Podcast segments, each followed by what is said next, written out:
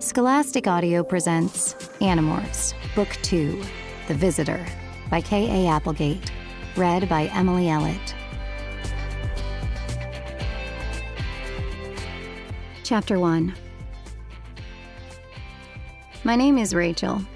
I won't tell you my last name. None of us will ever tell you our last names. Whenever I do use a last name, it's a fake. Sorry, but that's the way it has to be. And we won't tell you the name of our town or our school or even what state we are in. If I told you my last name, the Yeerks would be able to find my friends and me. And if they ever find us, it will be the end. They might kill us. Or worse. Yes, there really is something worse than death. I've seen it. I've heard the cries of despair from those doomed to be slaves of the Yeerks. I've watched as the evil gray slugs writhe and squeeze in through the ear and take over what was a free human being. There are five of us, just five Jake, Cassie, Marco, Tobias, and me. Marco came up with a name for us, for what we are now. He called us Animorphs. I guess that's as good a name as any for what we are. Mostly, I still just feel like a normal kid, you know? But I guess normal kids don't turn into elephants or bald eagles. And normal kids don't spend their free time fighting to save the world from the nightmares called Yeerks. That day, the sun was bright. It warmed the earth below us. Warm air rose in an invisible bubble, a thermal. The thermal pushed up beneath our wings, and we circled higher and higher and higher till it almost seemed we could touch space. Somewhere up there in cold space, up in orbit, was the Yeerk mothership, perhaps right over our heads. The Yeerks are parasites. In their natural state, they are just big slugs who live in a sludgy pond called a Yeerk pool. But the Yeerks have the power to take over other bodies. They have enslaved many races throughout the galaxy the Taxxons, the Hork-Bajir, and others. And now they had come to Earth, looking for more bodies to control. Who was there to try and stop them? Well, off in space there were the Andalites. But the Andalites were far away, and it would take them a long time to come to rescue the people of Earth. On Earth, no one knew of the Yeerks. No one but five kids who were having fun being birds and riding the thermals. I looked over at my friends. Some were a little way below, some were higher up. Jake was flapping his wings a little more than the rest of us. He had adopted a falcon morph. Falcons don't soar quite as well as hawks or eagles. Tobias was the smoothest flyer. That was partly because red tailed hawks are natural acrobats.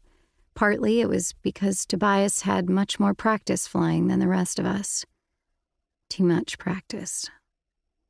Okay, Tobias, you were right. This is the coolest thing in the world, I said. Want to try a dive? It's amazing, he said. I wasn't exactly sure that I wanted to dive, but what could I say? I don't usually turn down a challenge. So I said, Sure. Follow me. Tobias bent his wings back and plummeted toward the ground like a bullet. I tucked my wings back and went after him. The ground came rushing up at me. I was falling, falling with nothing at all to stop me from splatting right into the ground. It was like a nightmare. We were going like 60 miles an hour, as fast as a speeding car. 60 miles an hour, aiming right for the ground. But even though it was scary, it was also way cool. Forget surfing, forget skateboarding, forget snowboarding. You haven't had a thrill till you've gone riding the thermals a mile into the air and then gone hurtling straight down at maximum speed.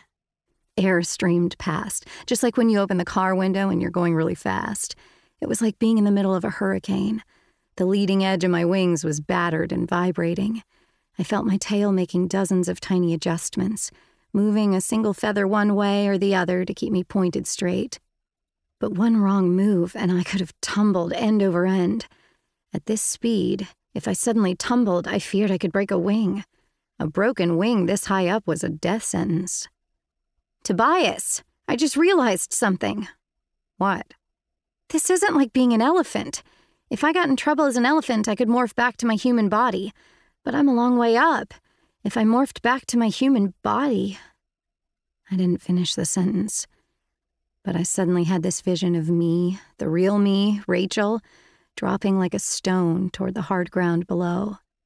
I guess Tobias could sense the fear that was building in me. Let the eagle do the flying, Tobias advised. Relax and let the eagle's mind do the thinking. She knows what she's doing. I'm glad one of us does, I said nervously. It's strange when you're in a morph. You have the animal's brain in with your own. Usually you can control that animal intelligence, but not always. And sometimes you have to learn to let go, to let the animal take charge. I relaxed. Instantly, the vibration lessened. I felt more stable. The eagle was in charge. And Tobias was right. The eagle knew how to fly. Then, to my amazement, I saw something go zipping right past us, faster than either me or Tobias. It was Jake. His peregrine falcon's smaller wings made it harder for him to float on the thermals but those same wings made him unbelievably fast in diving. It was almost like Tobias and I were standing still. Yeah! Jake yelled in our heads. I would have smiled if I'd had a mouth. Jake is like me. He loves excitement and adventure and being a little crazy. Maybe we're so alike because we're cousins. Also, we're both a little competitive, I guess. It bothered me that he was a faster diver than I was just like it bothered him that I could soar better. I guess that sounds ridiculous, huh? Zing! Something went right by my head. You hear that? Tobias asked. Yeah, I sure did, I said. What was it? I don't know. Instinctively, I pulled up out of the dive, straining every muscle in my wings as I opened them, and felt the shock of wind resistance. It was like opening a parachute. The rest followed my lead. We were still a few thousand feet up, but much closer to the ground than we had been. Zing. I felt something go right through my tail feathers. Hey, someone down there is shooting at us, I said. I can see them, Cassie said. She and Marco had joined up with us. They had both morphed the same osprey. It was hard to tell them apart because you can't really tell where thought speech comes from. Two guys over in the woods. They have a rifle. I can't believe this. I was really mad. I'm a national symbol. I'm a bald eagle. What's the matter with those creeps? He's getting ready to shoot again, Marco reported. I can see him taking aim.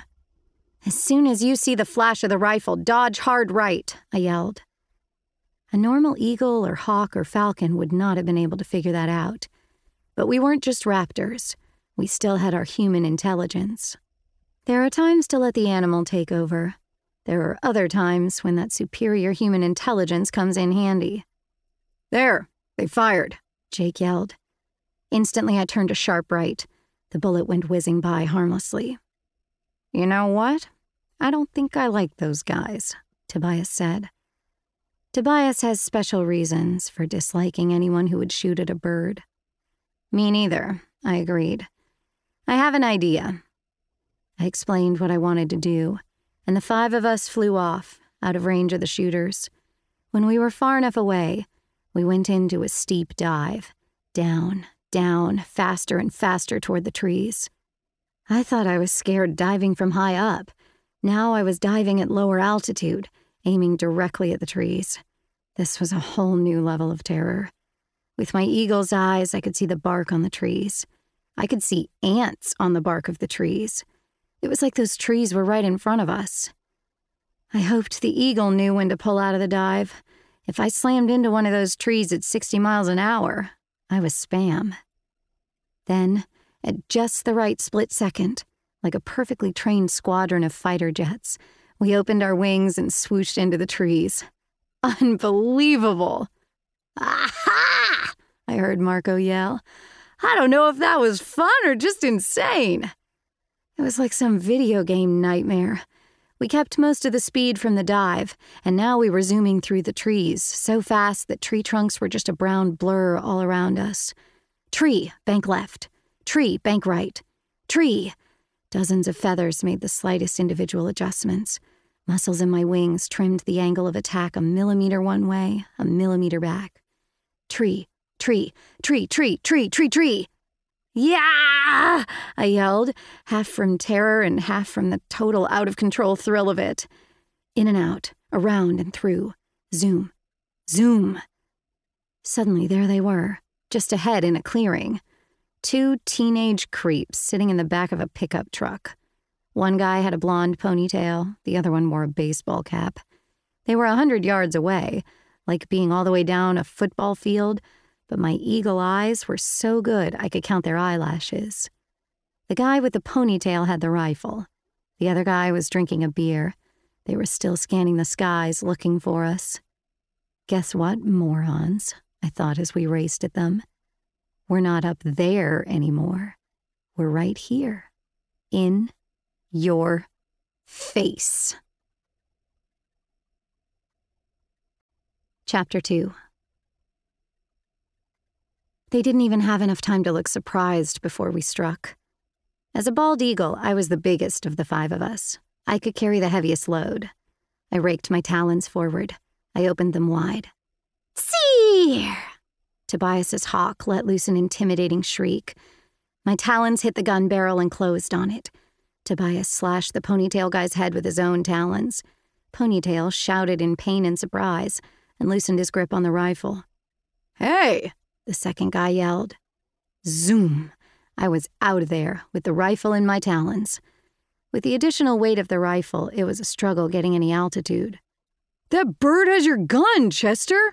And that other one stole my beer! I glanced over and saw Marco. At least, I think it was Marco. He had the beer can in his talons, half crumpled. They're way too young to be drinking, Marco said in his most parent like voice. I heard the ponytail guy complaining down below. That ain't right. It ain't right that no bird should take my rifle like that. I caught a little breeze and gained just enough altitude to get above the trees. But I was having a hard time.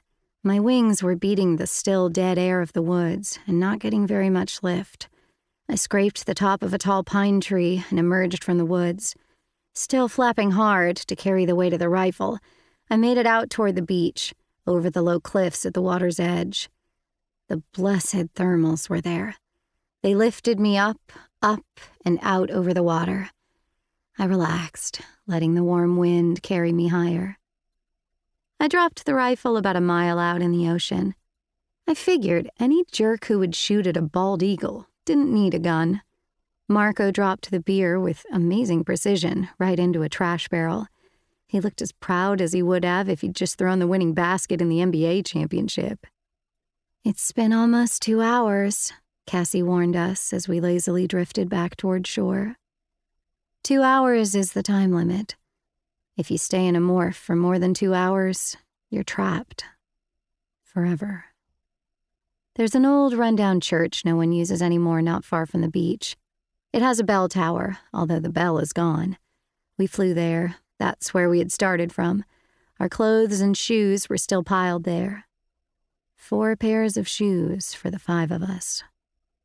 Cassie, still in her osprey body, peered down at her watch lying on the floor. Good, an hour and a half. We should try never to go over an hour and a half. We began to morph back into our human bodies. Morphing takes concentration. When you're going from human to animal, it's harder you really have to focus. But going back to human is easier. I focused on my human self. I formed a picture of myself in my mind tall, thin, with blonde, shoulder length hair. I focused especially on the hair because I didn't like my last haircut. It was uneven at the bottom. Not that it mattered, I just wished I could do something about the hair when I morphed. Unfortunately, morphing doesn't work that way. The changes began quickly. The feathers that covered me began to melt. They ran together like hot wax. In some places, when my skin reappeared, it would have this beautiful feather pattern for a few seconds. My yellow bill sucked back into my mouth to become white teeth. That part sort of itched. It made me want to grind my teeth a few times.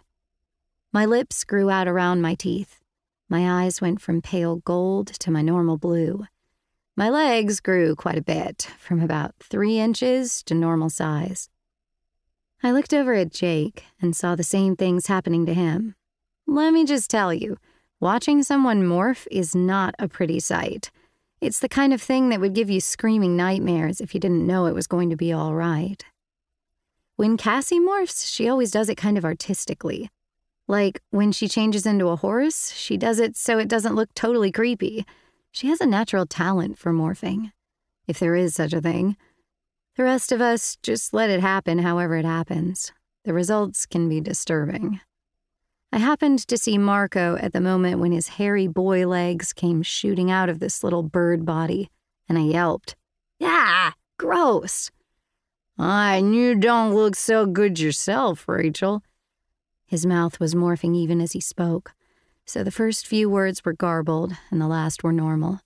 I think what he said was, Hey, you don't look so good yourself, Rachel. He was probably right. I was glad I didn't have a mirror.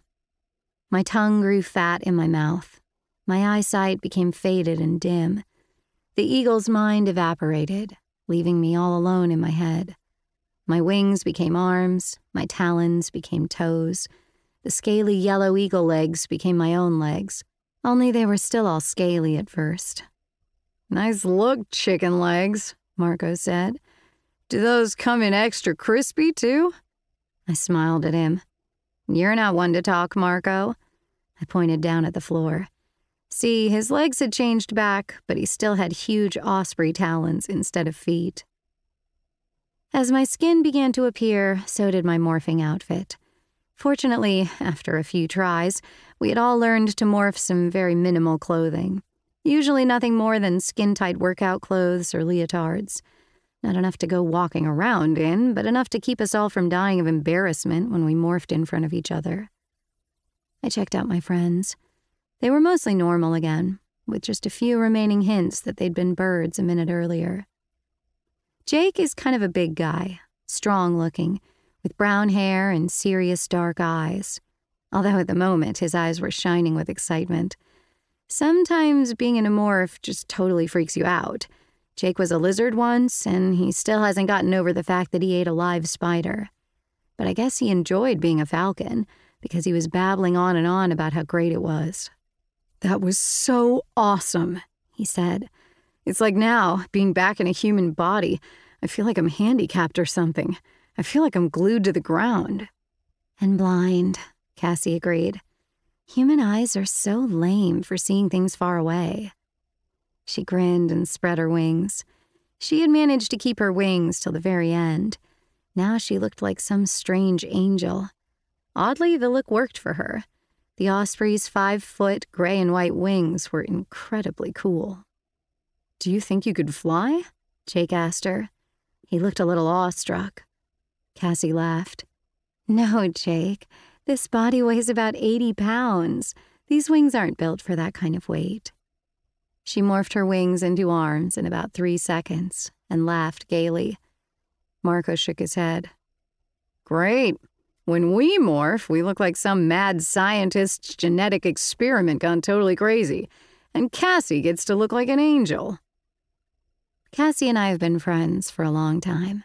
Although, to look at us, you wouldn't think we'd hang out together. Cassie is casual to a fault.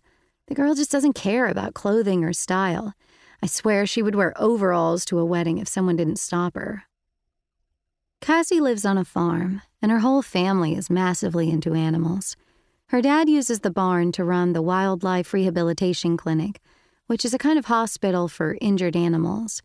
It's always full of birds and skunks and opossums and coyotes and every other animal you can think of. Cassie's mom is a vet, too. She works at the gardens, this huge zoo and amusement park. So maybe Cassie was just born with an instinct for understanding animals. All I know is she's always finished morphing while the rest of us are still looking like creepy half human, half animal monsters. As for me, well, it's not that I miss fashion or whatever but I do like nice clothes. I guess that, plus the way I look, makes a lot of people think I'm stuck up or something. People do think I'm pretty, but to me, that's just an accident, you know? Looks are not the important thing. It's what's in your head that counts, and that's what I concentrate on. Of course, that's another area where Cassie and I are a little different. I guess she would say, No, it's what's in your heart that counts. She's a natural peacemaker. If there's ever a hassle within the group, it's usually me and Marco who caused it, and Cassie who got us all calmed down. Personally, I'm glad to be back to my regular body, Marco said. The flying part is great, but it's not a good idea to be able to see that well. Why? Jake asked.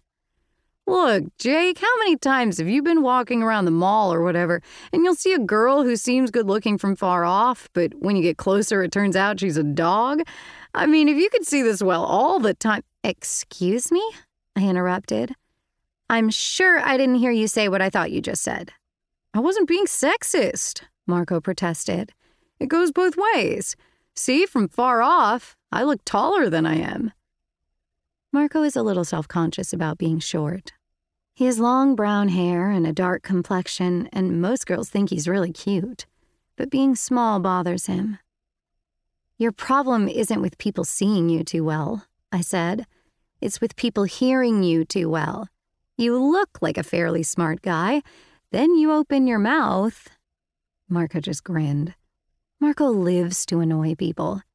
He really is extremely smart and basically nice underneath it all. It's just that the boy loves to provoke people. Marco and Jake are best friends. Even though Jake is serious and thoughtful and always trying to do what's right, while Marco is sarcastic and temperamental and is the most reluctant of the Animorphs. Marco still thinks we should just give up the battle against the Yeerks and try to stay alive. But with Marco, you never know if he really believes that or is just saying it to be contrary. Well, let's get out of here, Jake suggested. I have homework to do. Me too, I said. And I have gymnastics class this afternoon and I'm totally unprepared. Cassie sighed. It's such a drag. The chores and the homework all come rushing back as soon as we change back into our boring human selves. As soon as she said it, Cassie bit her tongue. She cast a regretful look to Tobias. See, while all of us had changed back, Tobias had not. Tobias was still a hawk. Tobias, who had once had unruly blonde hair and eyes that seemed hurt and tender and hopeful all at once. Tobias had been trapped while trying to escape from the hellish nightmare of the Yeerk pool. He had stayed more than two hours in that morph. We had all returned to our human forms, but Tobias was still a hawk. Tobias will always be a hawk. Chapter 3 We all walked most of the way home together, feeling worn out. The flying was a little tiring, and morphing always takes a lot out of you. Tobias flew high overhead. He didn't really participate in the conversation. It's hard for him. See, he can think speak to us, and we can understand him, but when we're in human shape, we can only talk in the normal way. He can't hear us unless he's close by, and he can't be close and still fly. This morphing thing would be so excellent if it weren't for the whole thing with the Yeerks, Marco was saying. I mean, if it were just normal, we could really use these powers. To do what? Fight crime? Jake asked. Marco looked at him with a mixture of pity and amusement. Fight crime? Who are you, Spider Man? I'm talking show business. Movies, TV shows. I could go on Letterman. I could be an entire episode of Stupid Pet Tricks all by myself. You're right, I said batting my eyes so he would know I was kidding. You already have the stupid part down. We'd be hot in horror movies, Cassie said. Or how about his stuntman? Jake suggested.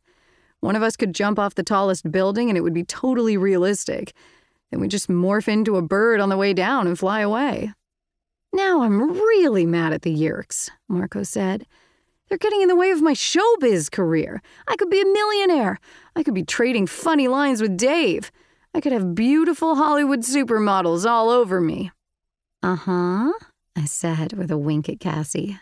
Lots of women love animals. But sooner or later, you'd have to change back into your actual self, Marco, and then, boom, they'd be out of there. We walked along the boulevard that goes by the construction site. It's this huge area of half finished buildings with rusted earth movers and cranes and backhoes scattered around. I guess it was originally going to be a shopping center, but for some reason they never finished it. We didn't take the shortcut through the construction site like we would have in the old days, though. See, it was at this construction site that we saw the Andalite Prince's damaged fighter land. It was here that the Andalite warned us of the Yeerk conspiracy and gave us our special powers. It was also here that we saw the Yeerk commander, Visser III, murder the Andalite prince. Visser III is the only one of the Yeerks who has our same power to morph. Visser III is an Andalite controller, meaning he has an Andalite body. A human controller is a Yeerk with a human body, a taxxon controller is a Yeerk with a taxxon body. You get the idea. Visser 3 is the only Yeerk to ever capture an Andalite body, so he's also the only Yeerk who can morph. That night at the construction site, he morphed into some creature from a far off planet, a huge, horrible monster. And then he took the Andalite and. You know what? I really don't want to talk about that. You'll have to ask Jake. We all fell silent as we passed by the site. Then I noticed that Cassie had stopped walking and was just standing there. I went back to her and realized that she was crying. Are you okay? I asked. She shook her head. No. Are you? I sighed. Flying around in the sky had been a wonderful distraction, but my head was still full of awful memories. I guess not, I admitted. Last night I had a terrible nightmare about the Yeerk pool. I was back down there, down there in that vast open cave, and I was hearing the screams and cries of the people being dragged to the pool. Cassie nodded. You know what's worse than the screams? The way they stop screaming once the Yeerk is in their heads, once they've become controllers. Then you know they are slaves again. Lost. Like Tom. We both turned. It was Jake. He and Marco had seen us stop and had come back. Tom is Jake's brother. Tom is a human controller, a human being enslaved by a Yeerk in his head. We'd found the Yeerk pool and gone down into that hell to get Tom. We'd failed. We'd barely escaped with our lives. Cassie put her arm around Jake's waist. Someday we'll save Tom, she said. Jake kind of stroked Cassie's head. I guess he got embarrassed because he instantly pulled away. Cassie didn't mind. She knows how guys are about showing their true feelings. I looked across the construction site and saw Tobias come fluttering down out of the sky. I couldn't see where he landed because that part of the site is hidden from the road, but I knew right where he was, on the spot where the Andalite had died. Somehow, in those brief moments when the Andalite had been with us, Tobias had formed some kind of special bond with him. We started walking again. We need to find another way to get at them, I said angrily. It bothered me imagining Tobias back in that maze of never finished buildings, mourning for the Andalite. Get it who? Marco asked suspiciously. The French, Marco, I said sarcastically. Who do you think? The Yeerks, duh. Whoa, whoa, whoa, Marco said. We tried that, remember? We went down into the Yeerk pool after them and got our butts kicked. Yeerks 10, humans 0. So you figure you should just give up? I demanded. We lost one game, Jake said. You don't quit the sport just because you lose one game. Some game, Marco said bitterly. Some sport. We didn't lose anyway, I said. The others looked at me like I was crazy. Look, I explained. I know we didn't save Tom, and we sure didn't stop the Yeerks, but we gave them a reason to be afraid at least. Yeah, they're terrified of us. Visser 3 probably can't sleep at night. He's so worried about five kids, Marco said sarcastically. Look, Visser 3 doesn't think we're a threat. He thinks we're lunch. He doesn't know who or what we are, I pointed out. The Yeerks are convinced that we're Andalite warriors because they know that we can morph. And they know that we found the Yeerk pool and infiltrated it and took out a few of their Taxxons and Hork-Bajir while we were at it. I think they're probably a little nervous at least. Jake nodded. Rachel's right. But just the same, I don't think we want to try to go back to the Yeerk pool. Besides, the door is gone. We all stopped and stared at him. He shrugged. Look, I just wanted to see if the door still worked, okay? Just in case. But it's not there anymore. The door leading down to the Yeerk pool had been hidden in the janitor's closet of our school. There were dozens of doors to the underground Yeerk pool spread all over the city, but this was the only one we knew about. So we find another way to get at them, I said. We can follow Tom again when it's time for his Yeerk to return to the Yeerk pool. Yeerks have to go to the pool every three days. They drain out of their hosts' heads and soak up Kandrona rays. No, we leave Tom out of it, Jake said firmly. If we call attention to him in any way, the Yeerks may decide he's trouble for them. They may decide to kill him. Marco gave me a sour look. This is what you want to keep doing? Risking our lives and the lives of everyone we know? For what? For freedom, Cassie said simply. Marco didn't have a smart answer to that. There's still Chapman, Jake said. Chapman is our assistant principal. He's also one of the most important human controllers. He runs the sharing, the club that helps recruit unsuspecting kids into being hosts for the Yeerks. If there were some way for us to get close to Chapman, Jake let the words hang in the air. He carefully didn't look at me, but I knew what he meant. He'd obviously been thinking about this for a while. Melissa? I asked. He nodded. It's a possibility. See, Melissa Chapman, Assistant Principal Chapman's daughter, is one of my closest friends. Or at least, she used to be. The last few months, she'd been acting very strange toward me like she didn't care anymore. We take gymnastics together. Actually, we got into it at the same time. You know, something to do together. I don't like using a friend that way, I said. Oh, suddenly the mighty Rachel is weaseling, Marco crowed. You don't like using your friends? You're pretty willing to risk my life. Sure, Marco, but who said you were my friend?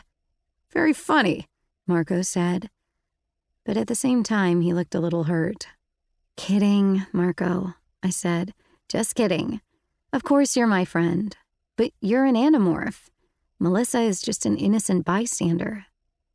I wish I'd never come up with that word, Marco said. Animorph. Give me a break. Rachel, Melissa's father is one of the main controllers, Jake said gently, ignoring Marco. She's in this, whether she likes it or not. I felt a bitter taste in my mouth. Jake was right, of course. Chapman was the logical lead to follow, and Melissa was our way to get close. It made sense. It made sense for me to betray an old friend. It also made me feel like dirt. Chapter 4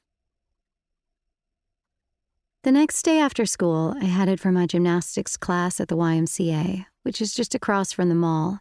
They have a big indoor pool, so the entire building always smells of chlorine, except for the weight room, which just smells like sweat. My class is taught in a smaller room, with blue mats covering the floor. We have balance beams and uneven parallel bars, and a vaulting horse with a springboard. I'm okay at vaulting in the parallel bars, but I'm pretty lame at the balance beam. To be honest with you, it kind of scares me. It takes such total concentration. It's not one of those real serious gymnastics classes. I mean, none of us is going to be going to the Olympics. When I started out, I had dreams of being a gold medalist. But then I started to grow. I'm pretty tall now for my age. People look at me now and say, Oh, you're going to be a model, not, Oh, you could be a gymnast. Most of us in the class are too tall or too heavy to ever be serious gymnasts. We do it for fun and for exercise. I do it because I've always thought of myself as kind of clumsy. My mom says I'm not, but that's how I feel anyway. Besides, it's just cool hitting the little springboard and flipping through the air to bounce off the vaulting horse and stick the landing. Not as cool as flying, maybe, but fun just the same. Melissa Chapman was in the locker room changing into her leotard when I came in. She's the exception to the rule in our class. She does look like a gymnast. She's small and thin, even though she doesn't starve herself like some fools who want to get into gymnastics. She has pale gray eyes and pale blonde hair and pale skin. She looks like one of those solemn elves in a Tolkien book. At first glance, she looks delicate, but when you look a little closer, you see strength there too. Melissa gave me the kind of not very warm smile she always gives me lately, like she was distracted or thinking about something more important. Hey, Melissa, I said. How's it going? Fine. How about you? Oh, pretty much the same old thing. That was a lie, of course. But what was I going to say? Yeah, Melissa, same old, same old. Been turning into animals and fighting aliens. You know, the usual. Melissa didn't say anything else. She just adjusted her leotard and started to do a few little stretches. That's the way it was. We said hi, but not much more. It used to be we were very close. She was my second best friend after Cassie. Melissa, I was thinking, maybe you'd like to walk over to the mall with me after class? I have to buy a new pair of sneakers. The mall? She stammered a little and then started blushing. You mean go shopping? Yeah, you know, walk around and look at stuff and check out the cute guys and make fun of the snotty women at the perfume counters. I tried to sound casual like it was no big deal. In the old days, it would have been totally nothing. But now Melissa looked like a trapped animal. When had Melissa and I gotten to be such strangers? I'm, um, kind of busy, Melissa said. Oh, that's cool. I understand. But I didn't understand. Not at all. She started to walk away. I was going to let it go, but then I remembered. This wasn't just about a friend who had drifted away. This was about her father, one of the leaders of the controllers, one of our most dangerous enemies. I grabbed her arm. Melissa, look, I feel like we've kind of gone in different ways, you know? And I miss you. She shrugged. Okay, well, maybe we could get together sometime. Not sometime, Melissa. That's just you blowing me off. What's going on with you? What's going on with me? She echoed. For a moment, a look of extraordinary sadness darkened her eyes and tugged downward at the corners of her mouth. Nothing is going on with me, she said. We'd better get out there, or Coach Elway will have a fit. She pulled her arm away. I just watched her go. I felt like a complete and total jerk. Something had happened to Melissa, and I hadn't even noticed. She was my friend, and something had changed in her, and I hadn't seen it. I'd just gone my own way. And now I was only acting like a concerned friend.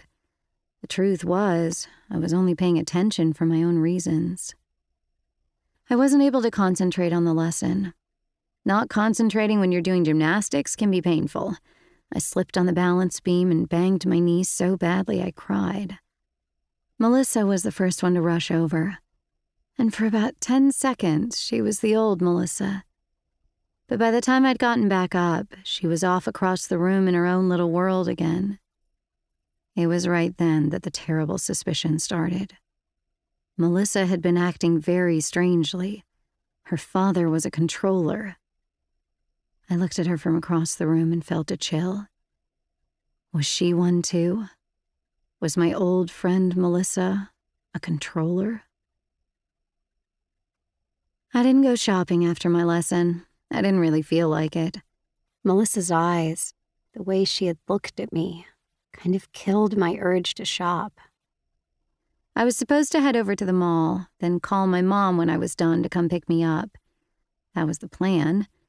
But since I didn't feel like mall crawling, I just headed home, alone, with the sky growing dark as rain clouds moved in. It was stupid and careless of me, but I guess I was preoccupied with other things, although at least I had the sense to stay out of the construction site.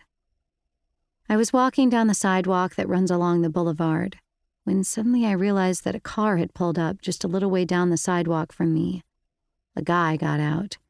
He looked like he was in high school or even college. He also looked like trouble.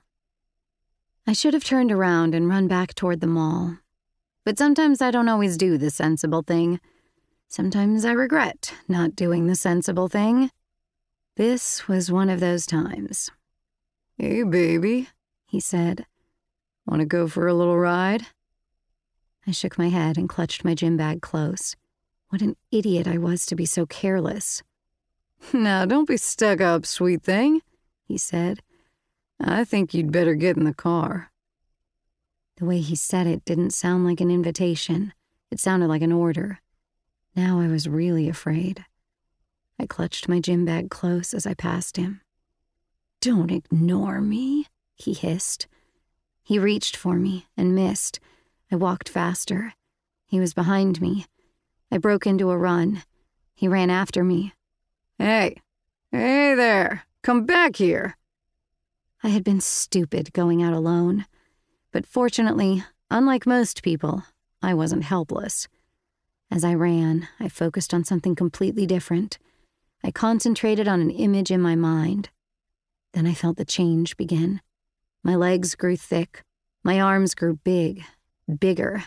I could feel myself growing large, large and solid. I felt the squirmy sensation of my ears becoming thin and leathery. But it wasn't enough to just look creepy. This guy had made me mad. I wanted to scare him half to death. My nose suddenly began to sprout. Then, from my mouth, like two huge spears, the tusks began to appear. I figured that was about enough. I broke my concentration, which stopped the morph. I stopped suddenly. The creep barreled right into me. He was not going to like what he was about to see. Chapter 5 I wanted to tell the jerk to back off. What I wanted to say to him was, so, you still want to go for that ride? What I really said was, Oh, here! The guy stopped dead. He just stared. What he saw was me, halfway through morphing into an African elephant. I had about a third of a trunk and most of my huge, fan like elephant ears. My legs were like stumps.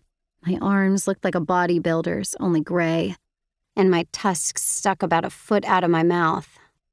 Just to make things extra weird, I still had my normal hair and my normal eyes. Suddenly, the guy wasn't interested in hassling me. Ah! He turned. He ran. For a minute, he forgot he even had a car. Then he turned around and jumped in through an open window. He started the car and took off. He was definitely breaking the speed limit as he tore out of there. I concentrated again and began to reverse the morphing process, going back to human shape. I had been wearing a loose sweater and leggings, which was good, they had both stretched. But my shoes had been split open by the sudden growth of my elephant feet. It had started raining, so the trip home was going to be very unpleasant. Oh, great, I muttered. I have got to remember to kick off my shoes before I morph into an elephant. Just then, a second car pulled up and came to a stop. The window rolled down. Hey, Rachel, it was Melissa. I recognized the voice. Do you want to ride home? She didn't sound very excited by the idea. I looked through the car window, past her. Chapman was behind the wheel. A wave of sick fear swept over me. Had he seen what I'd just done? If he had, then I was dead. My friends were dead. I'm. I'm fine, I said. I could use the exercise. Nonsense, young lady, Chapman said, sounding like his usual assistant principal self. It's beginning to rain. Get in. What was I supposed to do? I forced a smile. It wasn't easy. Thanks, I said. Melissa was in the front with her father. I sat in the back. I tried not to shiver. I tried not to stare at the back of Chapman's head. That's how it is when you're around a controller. You know that evil slug is right there in the controller's head, attached to all his nerve endings, controlling the human brain, dominating it. It's hard not to stare when you think of what is squeezed inside that skull. When we were stuck back at the red light, it looked like some guy was bothering you, Melissa said. Then he ran off. Was he bothering you? Um, no, I lied. He was he was just picking up something he dropped by the side of the road. Pathetic. I was such a lame liar. I saw Chapman's eyes watching me in the rearview mirror. He looked like normal old Chapman. That's the problem with controllers. There is no outward clue. They look so normal. He went running off like the hounds of Hades were after him, Chapman said. Did he? I said in a squeaky voice. I wasn't looking. I guess it was the rain. That's probably why he was running. There, you can turn left there. I know where you live, Chapman said. I almost swallowed my tongue. Was that a threat? Did he suspect? Did he guess? Was he looking at me strangely? Or was I just being paranoid? He pulled up in front of my house. My heart was hammering, but I was determined to act casual. Thanks for the ride, Mr. Chapman, I said. Hey, Melissa, I was totally serious about us getting together, okay? She nodded. Sure, Rachel. Absolutely. I closed the car door behind me. I had escaped. I was alive. I'd probably just been imagining things. Then I heard Melissa call out to me. Hey, what happened to your shoes? I looked down. My shoes were in tatters, the result of my feet growing from a size 6 to a size 300 in about five seconds flat. See, I said as lightly as I could. I told you I needed to go shopping. Melissa just looked puzzled. Her father stared at me with an expression I could not read. I was shaking like a leaf when I walked into my house. I headed upstairs to my room and stuffed my ripped shoes into the trash. Only then did I go back downstairs and say hi to my mom. She was at the kitchen table, half hidden by a pile of buff colored books. My mother's a lawyer, and she brings work home a lot so she can be around me and my two little sisters. She and my dad are divorced. I only get to see my dad a few days a month, so mom feels guilty when she isn't there for us. Hi, honey, she said. Then she got her suspicious mother look. How did you get home? You didn't walk, did you? You were supposed to call me. Melissa and her dad gave me a ride, I said. Well, it was the truth. Sort of. She relaxed and made a point of closing her book. Sorry, you know I worry about you. Where are Jordan and Sarah? They're in the family room watching another one of those scary shows. Of course, tonight Jordan will be sleeping with her nightlight on, and Sarah will end up in my bed, no doubt. I don't know why they like things that frighten them. You were never that way. It almost made me laugh. I felt like saying, Well, Mom, I don't have to watch things that are scary. I am scary. Should have seen me a little while ago with tusks sticking out of my mouth and a three foot long nose. What I really said was, So, what's for dinner? My mother winced. Pizza? Chinese? Anything else you can order over the phone? I'm sorry, but I have this brief and I have court in the morning. Mom, I told her for maybe the thousandth time, I don't mind pizza. Sorry, but your cooking isn't all that great, so it's no big deal ordering pizza. Well, at least get some veggies on it, she said. After dinner, I called Jake. Do you want to come over? I said. I got that new album if you want to listen to it. There was no album, of course. It's just that we always have to be careful. Like I said, Jake's brother Tom is a controller. He could be listening on the extension. Then I called Cassie and Marco and told them the same cover story. When they arrived, I told them about Melissa. And then I told them about my little run in with the creep. I did not tell them about Chapman driving me home. I don't know why. But when I saw the way Marco exploded, I was glad I hadn't told them the whole story. Oh, that was dumb! Dumb! Dumb! Marco said. What if that guy is a controller? He wasn't a controller, I said scornfully. Why would the Yeerks want to make a controller out of a punk? They want people in positions of power.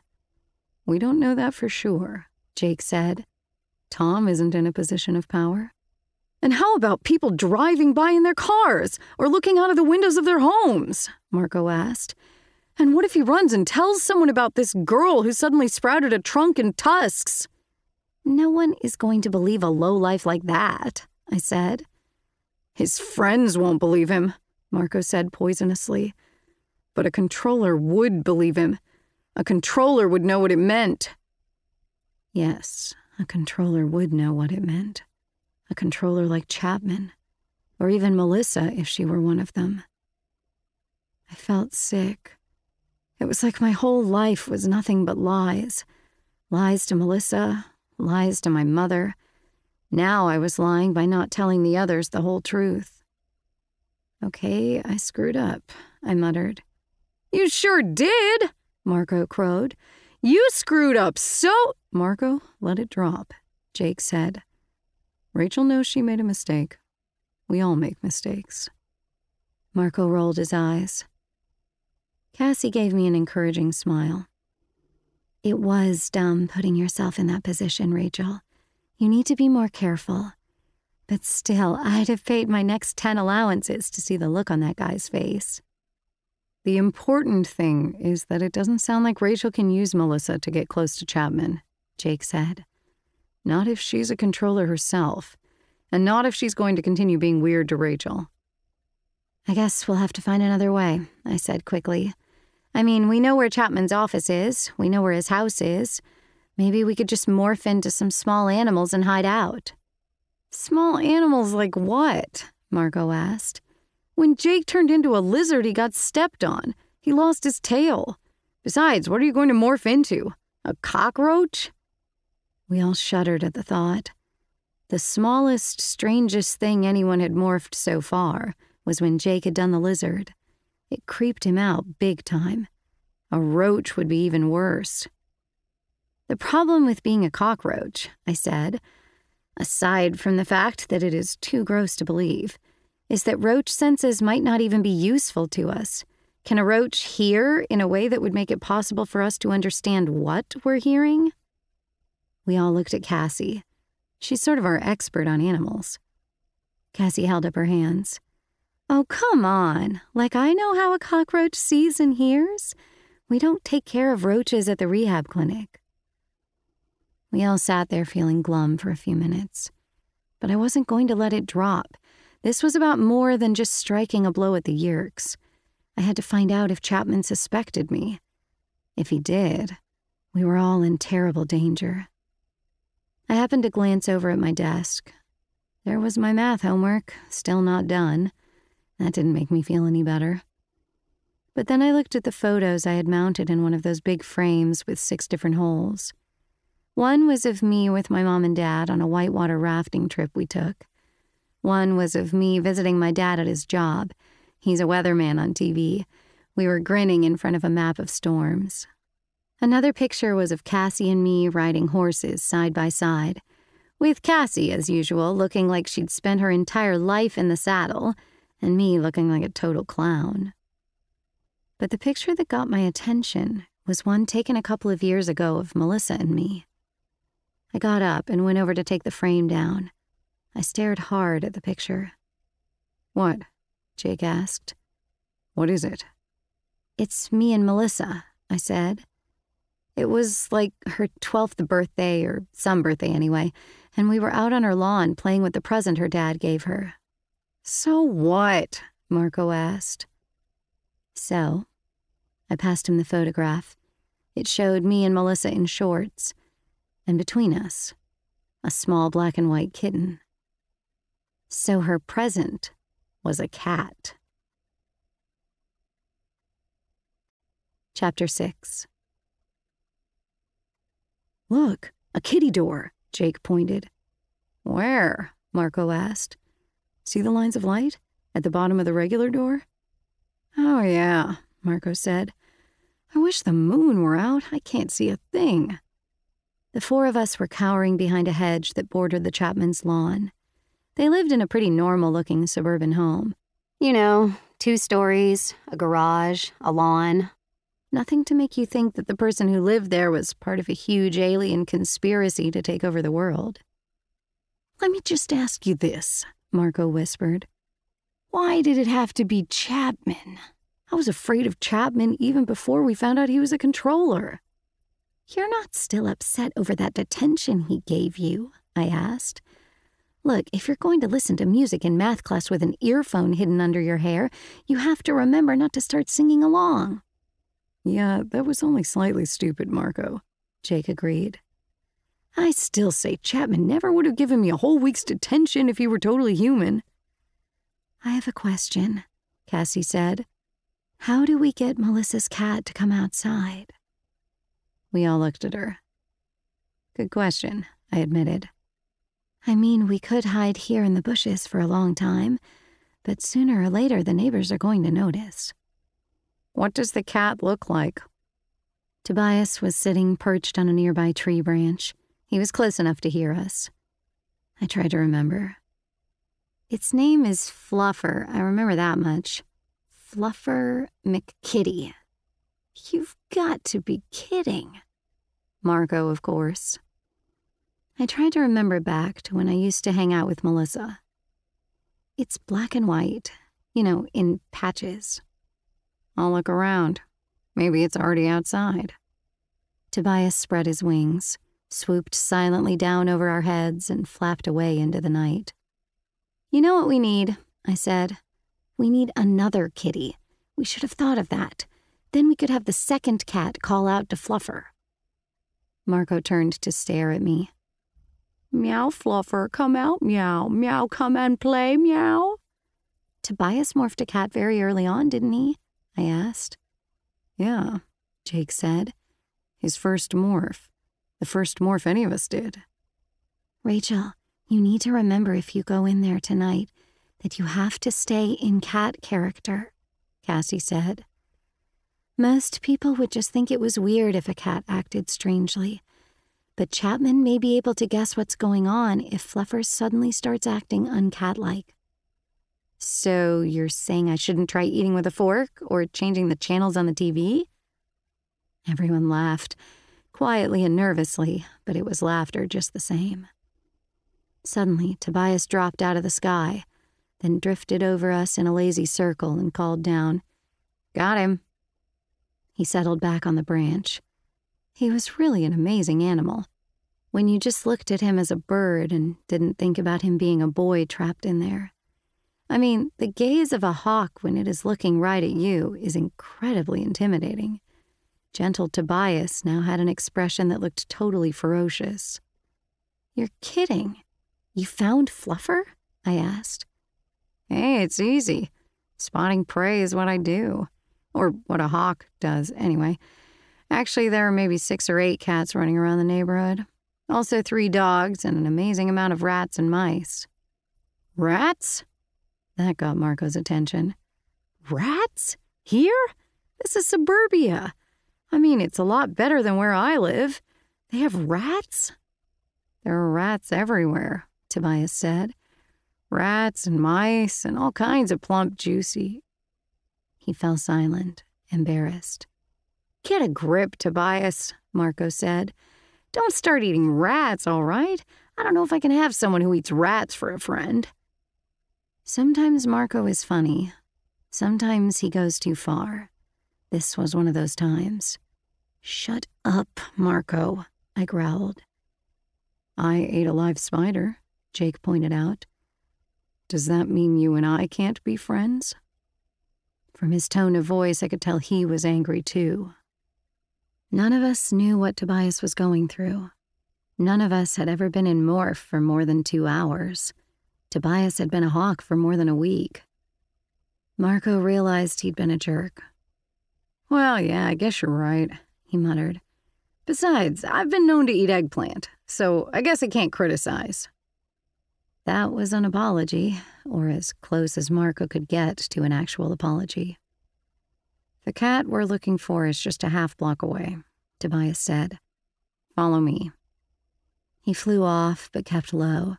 We took off after him. Even flying at minimum speed, Tobias was too fast for us to keep up with, so we had to circle back again and again. We had a hard time keeping him in sight. This doesn't look too strange, Cassie joked. The four of us running down the street looking up in the sky. There, Tobias called down. See that yard with the two trees? Yeah, just to our left? That's the one. The cat you're looking for is stalking a mouse right behind the trunk of the nearest tree. Okay, we can't all go traipsing over some stranger's yard, I pointed out. I'll go with Cassie. Marco held up the kitty carrier we had brought along. Don't you need this? Not yet. I'll grab Fluffer and bring him back over here. You two guys just stand here looking casual. Cassie and I stepped onto the lawn. The house was dark. Maybe no one was home. That would be good. Go left, I suggested to Cassie. We circled the tree. Hey, Fluffer, I said in a high, talking to animals voice. Here, kitty kitty, Remember me? There he is. I see him. I squatted down and held my hand out toward the cat.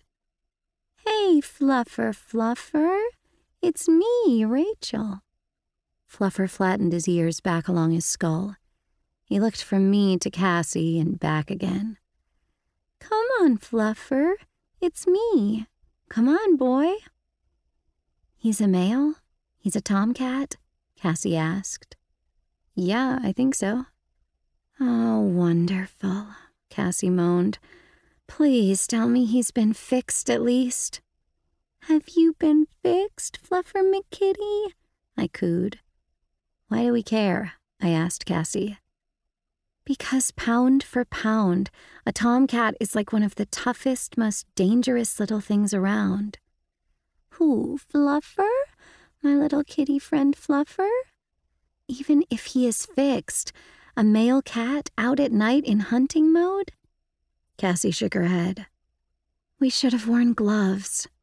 Oh, come on. He's a sweet kitty cat. To demonstrate just how sweet Fluffer was, I reached a hand for him. In a movement too fast for my human eyes to see, Fluffer swiped out with one paw. Three bloody scratches appeared on the back of my hand and Fluffer shot straight up the tree. Ow! I stuck my injured hand to my mouth. Gloves would definitely have been a good idea, Cassie said. How are you guys doing? Jake whispered, just loudly enough for me to hear him. Wonderful, I said through gritted teeth. I'm bleeding, and Fluffer is up the tree. I heard Marco giggle. I expected that but then I heard Jake giggling too. I looked up and saw two glittering yellow green eyes glaring down from the dark tree. This was supposed to be the easy part, I said. I figured, okay, we go and acquire Fluffer's DNA, and then the hard stuff begins. We have a cat up a tree, Cassie said dolefully. You know how hard it is to get a cat down out of a tree? I have a plan, I said. Tobias, are you up there? Right above you. But I'm not going to try and snatch an angry tomcat down out of a tree. That's not what I was going to ask, I said. I took a deep breath. This night was turning weird real fast. What I need is a mouse. Chapter 7 Got something for you. A baby mouse. A mean baby mouse. It keeps trying to bite me. Tobias flew in a low, tight circle overhead, disappearing behind the tree branches, then reappearing. Are you ready? I took a deep breath. I gave him a wave. Sure, I was ready. Why wouldn't I be ready to have a hawk hand me a mouse? Just your normal kind of thing to deal with. Tobias flew low and slow. I held out my hands, cupped together. With amazing precision and perfect timing, he deposited the mouse in my hands. Don't let it bite you, Cassie warned. Rabies. Wonderful, I muttered. Just one more fun aspect of this night. Actually, I was glad for the warning. The mouse was squirming in terror, trying to get away. I could feel its tiny little mouse legs scrabbling against my palms. You should all get rabies shots, Cassie said. Seriously, I already have mine. But if we're going to be handling wild animals. In the meantime, be careful to keep his teeth away from you. I wasn't planning on feeding him my finger, I said. Hey, wait. Cassie pried open my hands to get a better look. That's not a mouse. That's a shrew. See the eyes? They're too small. And the tail is wrong. That's not a baby mouse, Tobias. It's a full grown shrew. Sorry. Is that bad? Cassie shrugged. I don't know. I just know it isn't a mouse. Wait a minute, Marco said, beginning to grin. Rachel is going to become a shrew? How will we know when she's changed? How do you become what you already are? Everyone was too nervous to find the joke very funny. We felt kind of stupid, standing around on some stranger's lawn playing with rodents. I mean, there are times when the whole thing just seems so utterly insane, you know? Okay, I have to concentrate on acquiring, so everyone shut up, I said. Acquiring is what we call it when we absorb a sample of the animal's DNA. The DNA is the stuff inside the cells that sort of serves like a how to manual for making the animal. When you acquire, you have to think hard about the animal, focusing on it and blocking everything else out. Then the animal kind of goes limp, like it's in a trance. It takes just about a minute. It was easy to focus on the shrew, what with its squealing in terror and squirming to get out of my hand. But it was gross. Definitely gross I know there's nothing really wrong with shrews, but still, they freak me out a little. When I was done, I opened my eyes. Okay, little shrew, thanks for your help. You can go now. I'm not sure this is a good idea, Jake said doubtfully. Really? Marco was sarcastic. You're not sure it's a good idea for Rachel to turn into a shrew in order to lure a vicious cat down from a tree so she can morph into that cat and sneak into the assistant principal's house? What worries you about that plan? Cassie looked worried too. You know, Rachel, usually a cat will play with a mouse a little bit, but sometimes they don't. Sometimes they go right for the neck bite. The mouse, or the shrew, dies instantly. Be careful, Rachel, Tobias said. I'll be watching, but be careful. I don't want anything to happen to you. He said it so only I could hear. I could tell because nobody else reacted. I looked up at Tobias and winked. I knew he would see it. I rubbed my hands together. Okay, let's do this. I concentrated once more on the shrew. The shrew was now a part of me, I don't know how it works, but it does. Somehow, thanks to the Andalite technology, the DNA of that shrew was stored away inside me. It was like having a map to guide me as I transformed. Not that I had a clue how I was able to do it. The first sensation was of shrinking. It's a long, long trip down from being five feet tall to being less than an inch tall. It's like falling, except that you can feel the ground under your feet the whole time. One minute, I was looking Jake and Marco and Cassie in the face. The next minute, their faces seemed to be zooming high up above me. I was falling down the length of their bodies. It was like they were huge skyscrapers and I had jumped off the roof or something. My outer clothing fell around me like a big collapsing circus tent. There was a slight grinding noise as my backbone collapsed into a size smaller than my little finger. There was the disturbing, not quite pain sensation that goes along with some morphs, like you knew it should hurt, but it didn't quite. I could feel the tail sprout from my tailbone, a long, hairless tail, not at all attractive. My legs practically disappeared, they were so small. I was a chubby little ball of fur no more than two inches long, with four tiny feet. Then the fear kicked in, the shrew's fear. It hit me so hard I began to shake. I rattled with terror. I quaked with terror. I was surrounded, predators everywhere. I could smell them. I could see them, huge, looming, slow moving creatures standing over me. Rachel? You okay down there? It was Cassie. She lifted the folds of my clothing off of me.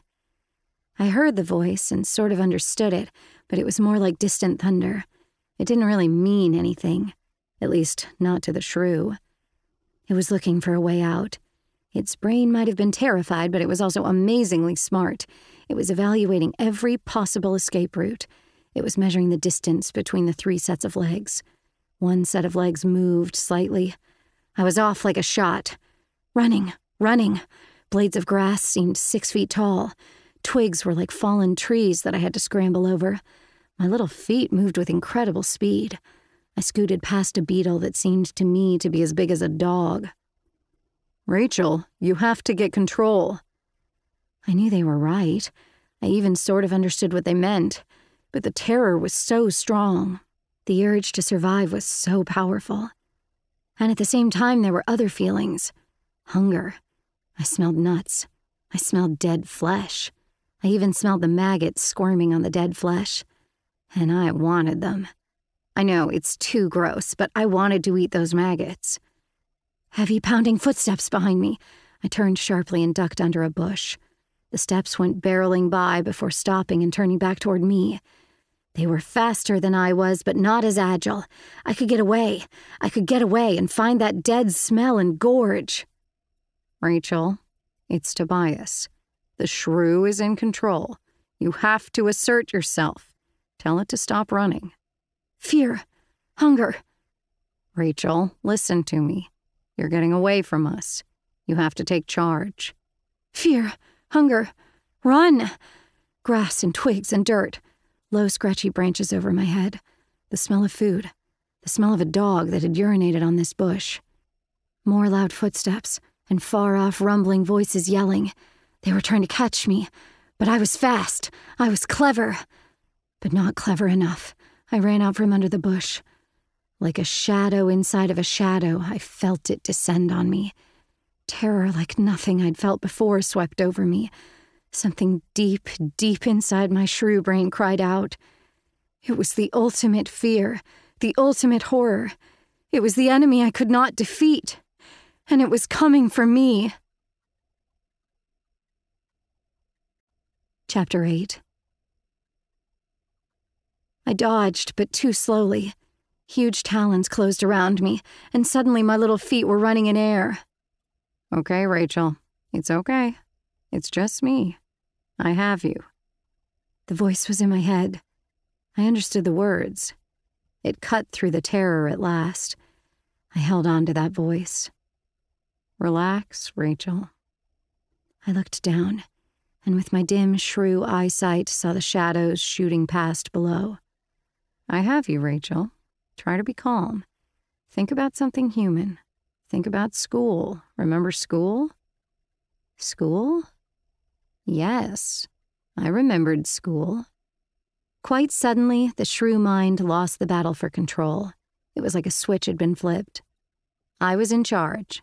I knew what I was. I knew who I was.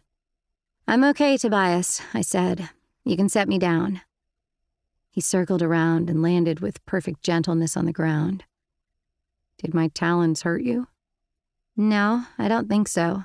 I'm fine. You okay, Rachel? Jake's voice. Yes. Boy, that was totally different than the elephant brain or the eagle. They're both so calm and mellow compared to this mind. It's like Jake's lizard, Cassie suggested. He had a panic reaction, too. The other animals we morphed were all kind of big, dominant animals gorilla, tiger. My horse was skittish, though. Look, let's just do this and get it over with, okay? I said. I'm not enjoying the shrew experience. That was the understatement of all time. I could still smell death and hear the thousands of feasting maggots And to me, those things still meant dinner. I was horribly hungry. Are you sure you're going to be able to maintain down there? Marco asked. I saw him peering down at me from a million miles up. You still look a little nervous. Your tail is twitching, and your little nose is sniffing like crazy. Yeah, I know. I'm still nervous. Let's just do this. You'll have to take me back to the tree where Fluffer is. I don't know what direction it is. Before I could object, Marco reached down and scooped me into his hands. He held me up and looked into my eyes. I've never seen you look lovelier, Rachel. Very cover girl. We walked down the block. Marco set me down at the bottom of the tree where Fluffer was still hiding out on a high branch. You guys had better back off a little, I said. Not too far, Jake said. We have to be able to get between you and Fluffer fast. Oh, I can kick Fluffer's butt, I said, joking. I guess I felt a little embarrassed about having let the shrew take control of me. Uh huh, Marco said dryly. Cat versus mouse. Who would you bet on? Haven't you ever seen Itchy and Scratchy? Cassie asked. Mouse, definitely. Besides, she's not a mouse. Let me tell you something. It is no fun sitting around in a shrew's tiny body, waiting to see whether a huge cat is going to decide to climb down and kill you. It is one of the least fun things I've ever done. I had the shrew brain under control, but that didn't change the fact that the shrew was about as scared as a shrew can be. Between being snatched up by a hawk and now waiting to see if the shrew's other deadly enemy was going to attack, I mean, the shrew was definitely in a state of panic. She was not a happy shrew. I was so preoccupied thinking about the shrew's hunger that I missed what happened next. I didn't even notice until I heard the sound of scraping tree bark just an inch over my head. Fluffer was dropping through the air right on top of me. I froze. Jake and Marco did not freeze. Marco grabbed Fluffer in mid pounce. Fluffer rewarded him with a nasty slash of his claws. Marco yelled and almost dropped the cat. Jake grabbed Fluffer by the nape of the neck, and Cassie ran up with the animal carrier. The three of them managed to stuff the squalling, hissing, slashing fluffer into the carrier and close the door. I was already morphing out of the shrew body as fast as I could. I'm bleeding, Marco cried. We're all bleeding, Cassie said matter of factly. I told you guys, kitties can be nasty when you get on their nerves. I was shooting up from the ground, regaining my normal body. Ugh, ugh, I'm never doing that morph again, I said as soon as I had a normal tongue and lips. I looked over my shoulder to make sure I didn't still have that creepy tail. Nothing. I was me again. I was in my morphing outfit and with no shoes on, but I was human again. I shuddered. The memory of the shrew's brain and its fear and hunger made my flesh creep. I was fighting a powerful urge to throw up. I felt sick in a way that is mostly in your head. Jake looked at me and shook his head. I should have done it. I should have used my lizard morph to lure the cat down from the tree. I shook my head. No, that freaked you out. And now you're the one who's freaked out, Jake said. But don't worry, you'll get over it. Mostly. At least you didn't eat a spider. Yeah. Look, I'm just tired, okay? Let me acquire this pain in the butt cat and get on with this. Are you still up for it? Cassie asked. Acquiring two new morphs in one night? I shouldn't have let you do the mouse. Shrew. Whatever, Jake said. He was still looking guilty. Look, it was my idea, right? Besides, since when do you let me do things? What are you, my master? I don't think so. Come on. I squared my shoulders and put on a brave smile. Let me see how Fluffer likes me now that I'm bigger than he is. I guess Fluffer was tired of causing trouble. He was actually asleep in the cat carrier, sleeping like nothing at all was going on. A typical cat. He even purred as I acquired him. When I was done, I noticed Cassie smiling at me. What? I asked her.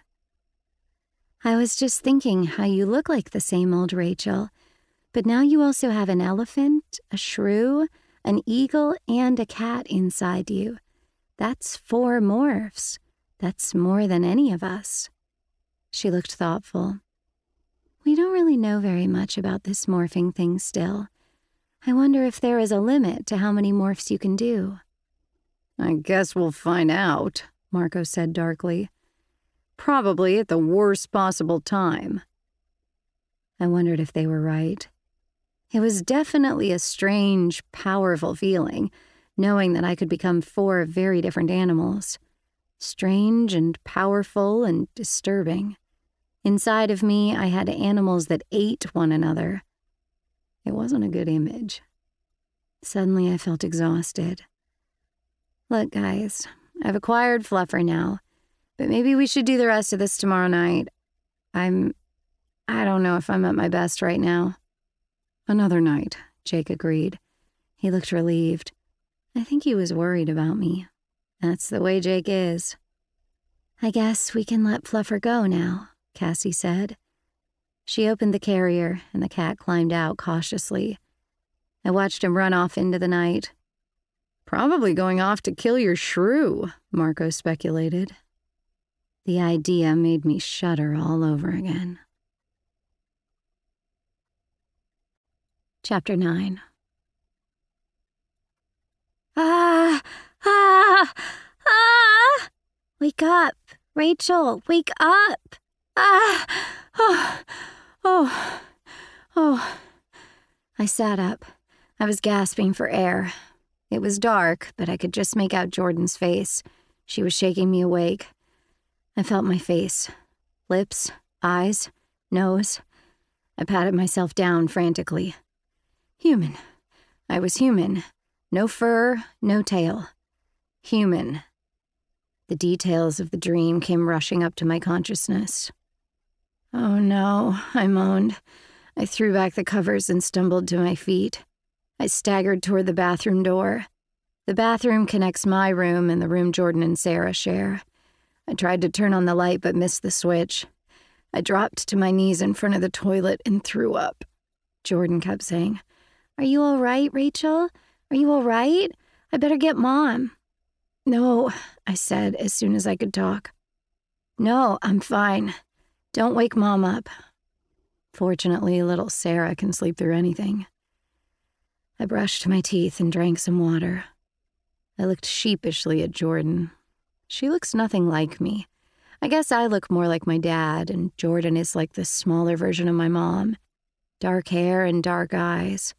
She looked pretty scared. I'm okay, I said again. Just a bad dream. I guess it made me kind of sick, is all, but I'm fine now. Jordan relaxed a little. Must have been some dream. I guess so. I can't even remember it now. You know how it is. Dreams fade away, so you can't even remember them. I can't believe you would just forget a dream that made you scream and hurl. I shrugged.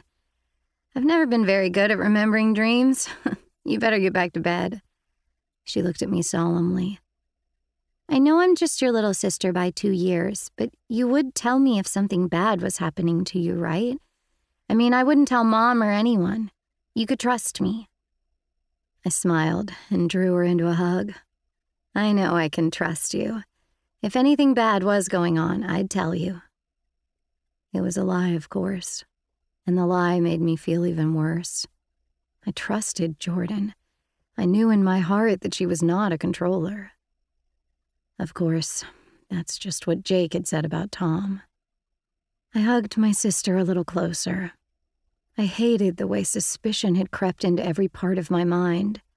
I hated the way I wasn't sure, not really, totally sure, that I could trust her. Good night, I said. Thanks for rescuing me from that nightmare, whatever it was. She started to walk away. Then she turned, lit from behind by the garish bathroom light. Before you started screaming, you were yelling something. What? I asked, afraid of the answer. She looked puzzled. I think it was maggots, something like that. I forced a shaky smile. Good night, Jordan. I crawled back into my bed. The pillow was soaked with sweat. The sheets were clammy. Maggots. Squirming, crawling, busy little white maggots. They were all over a piece of rotting meat and fur. In my dream, it was a dead cat.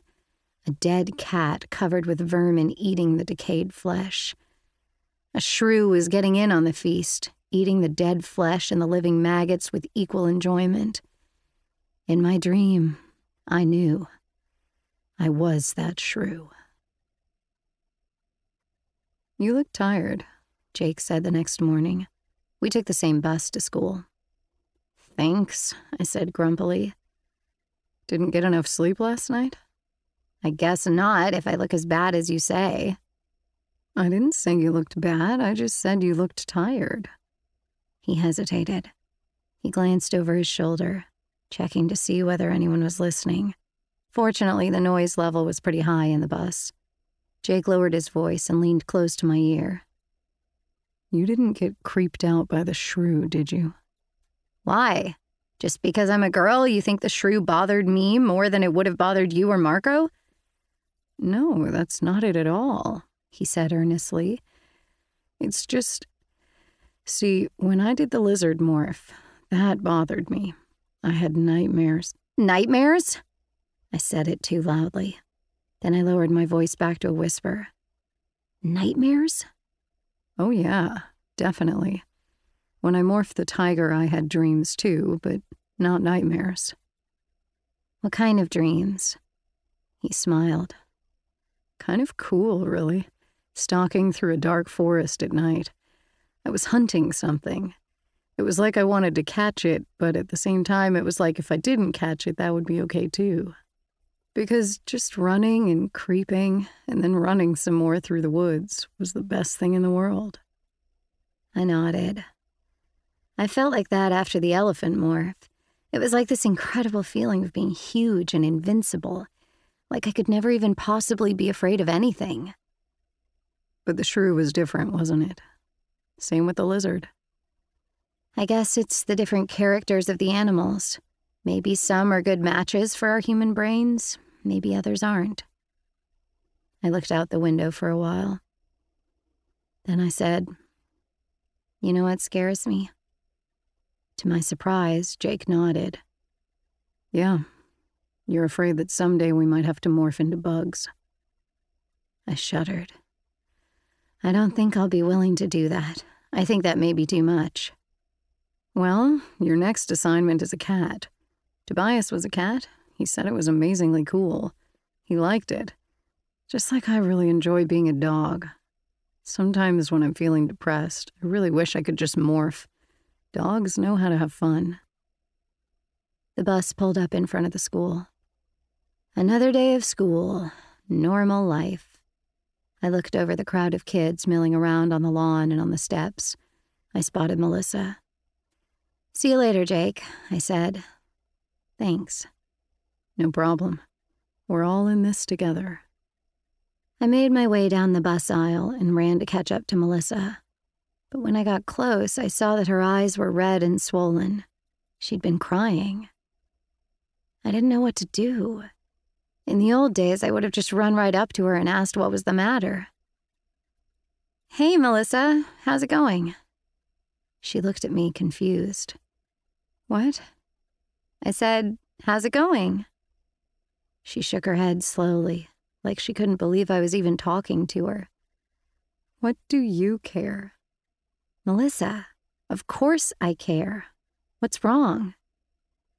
Her eyes went kind of blank. She seemed to be looking at nothing but the air right in front of her face. What's wrong? Everything is wrong, and nothing is wrong. But just the same, everything is wrong. Melissa, what are you talking about? Forget it, she said. She started to walk away. I grabbed her arm. Look, you can talk to me. I'm still your friend. Nothing has changed. Leave me alone, she said grimly. Everything has changed. Everyone has changed. You stopped being my friend, and my mom and dad. What? I pressed her. The bell rang, loud and shrill. I have to go. She pulled her arm away. What could I do? I let her go. I wondered what she had started to say about her father. Had she discovered what her father was? What her father had become? I walked up the steps of the school with my head lowered in thought. As I opened the school door, I ran right into someone. Hey, hey, watch where you're going, young lady. Mr. Chapman! I recoiled in fear. See, you have to realize that this was the man who had once directed a Hork-Bajir soldier to kill us all if he caught us. Kill us and save only our heads for identification. That kind of thing sticks in your mind. He peered at me. What's the matter with you, Rachel? A little jumpy this morning? I nodded. Yes, sir. I guess I didn't sleep too well. Bad dreams? He asked. My mouth was dry. I guess so, Mr. Chapman. He smiled. A normal human smile. His eyes even crinkled up a little as he grinned down at me. Well, shake it off. Nightmares aren't real, you know. At least not most of the time, I said to myself. Chapter 10 we couldn't go to the Chapmans the next night because Marco and I both had papers we had to write. And the night after that was Cassie's dad's birthday. But finally, there we were again on the street outside the Chapman's house. It was a little before eight. Fluffer was out of the house, smelling a fence post four blocks over, where another cat had left his scent. At least that's what Tobias reported. Are you ready? Jake asked me. I nodded. Are you sure? Cassie asked. You can put this off if you want. We don't have to do this tonight. The sooner the better, I said. We all know something is wrong in that house. Melissa is still my friend. Maybe somehow I can help her. Your job is not to help Melissa Chapman, Marco pointed out. You're supposed to be spying on Chapman you're supposed to be finding some way for us to get at the Yeerks so that we can all turn into wild animals and get ourselves killed. I know why I'm doing this, Marco, I said. He nodded. Okay. Well, take care of yourself in there. That's an assistant principal you're dealing with. He finds out you've turned into a cat and gone sneaking around his house. That will be after school detention for like a year. We all laughed, as if detention were the thing I had to fear. Marco can be obnoxious, but on the other hand, he can make you laugh right when you really need to. I'm ready, I said. I waved my arms at the dark sky above. Tobias swooped down, opened his wings to slow his speed, and settled on the fence beside us. How does it look up there, Tobias? Jake asked. Looks fine. The cat is nowhere near the house. There's no one out walking around except way over on Laughlin Street. There are a couple of cars, but not coming toward you. You know, you have quite a future in burglary, Marco said to Tobias. You and I can burglarize places, and Jake can be Spider Man and catch us. Okay, I'm ready to do this, I announced. As ready as I'm going to get, anyway. Tobias sent me a private message. Rachel, if you get into any trouble, just try and make it outside. I can lift you out of any danger. I prepared to morph. I concentrated on Fluffer.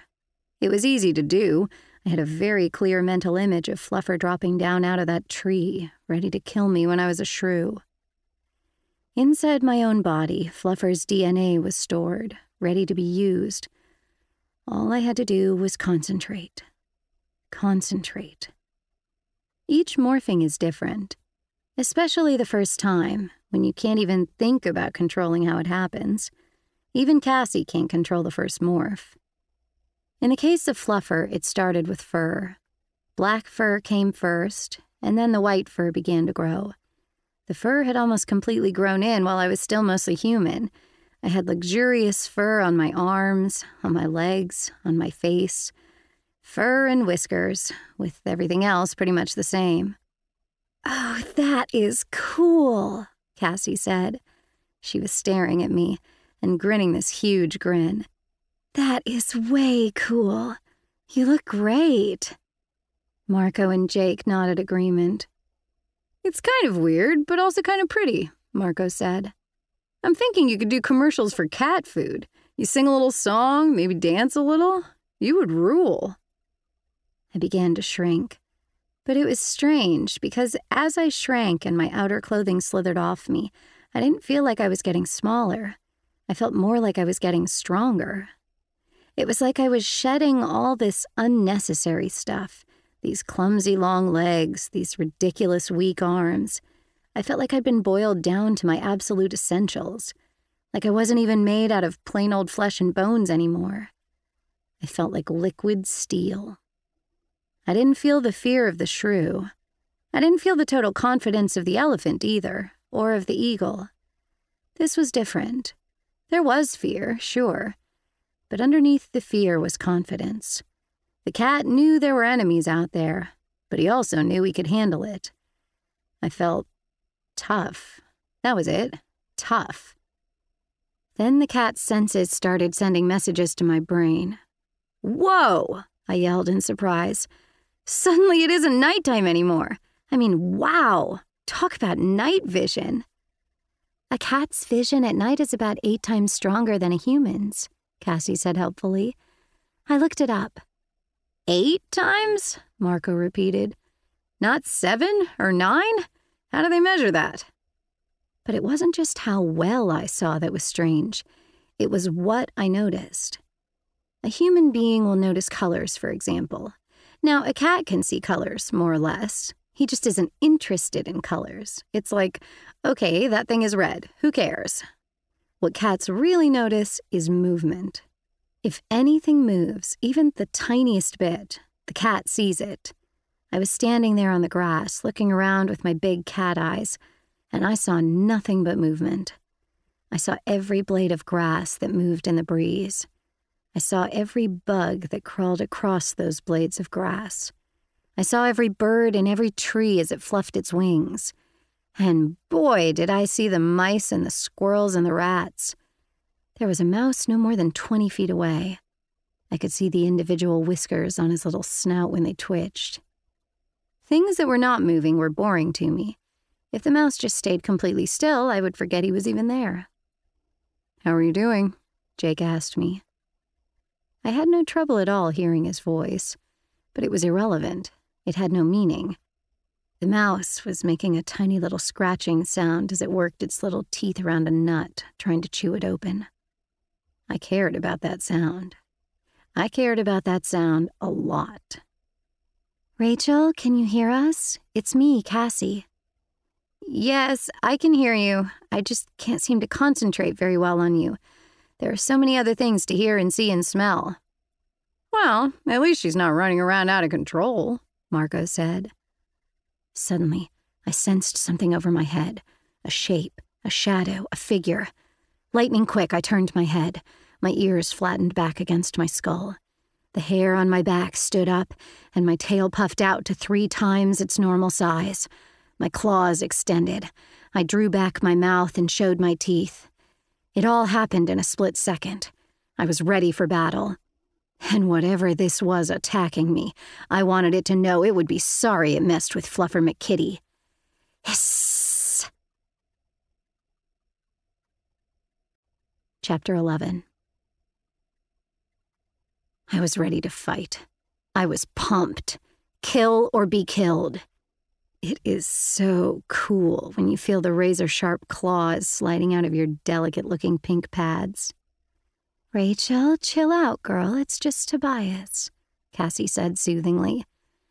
Tobias, I think maybe you'd better stay away, she called up to the sky. Cats are genetically programmed to be afraid of large birds. She was right. The shadow of Tobias scared me pretty good. It was strange because it was a fear I shared with the shrew. But it was a different type of fear than the shrew's. This was more like I was angry, too. Only that wasn't quite it either. I guess it wasn't a real emotion at all. Basically, when I'd hissed, I was just trying to communicate and the message I was trying to communicate was don't mess with me. You may be bigger than me. You may scare me. You may make me run away. But if I have to, I am ready to fight. That was my whole cat message to the world. Don't mess with me. Don't get in my way. Don't try to touch me if I don't want to be touched. Don't try to keep me from getting what I want.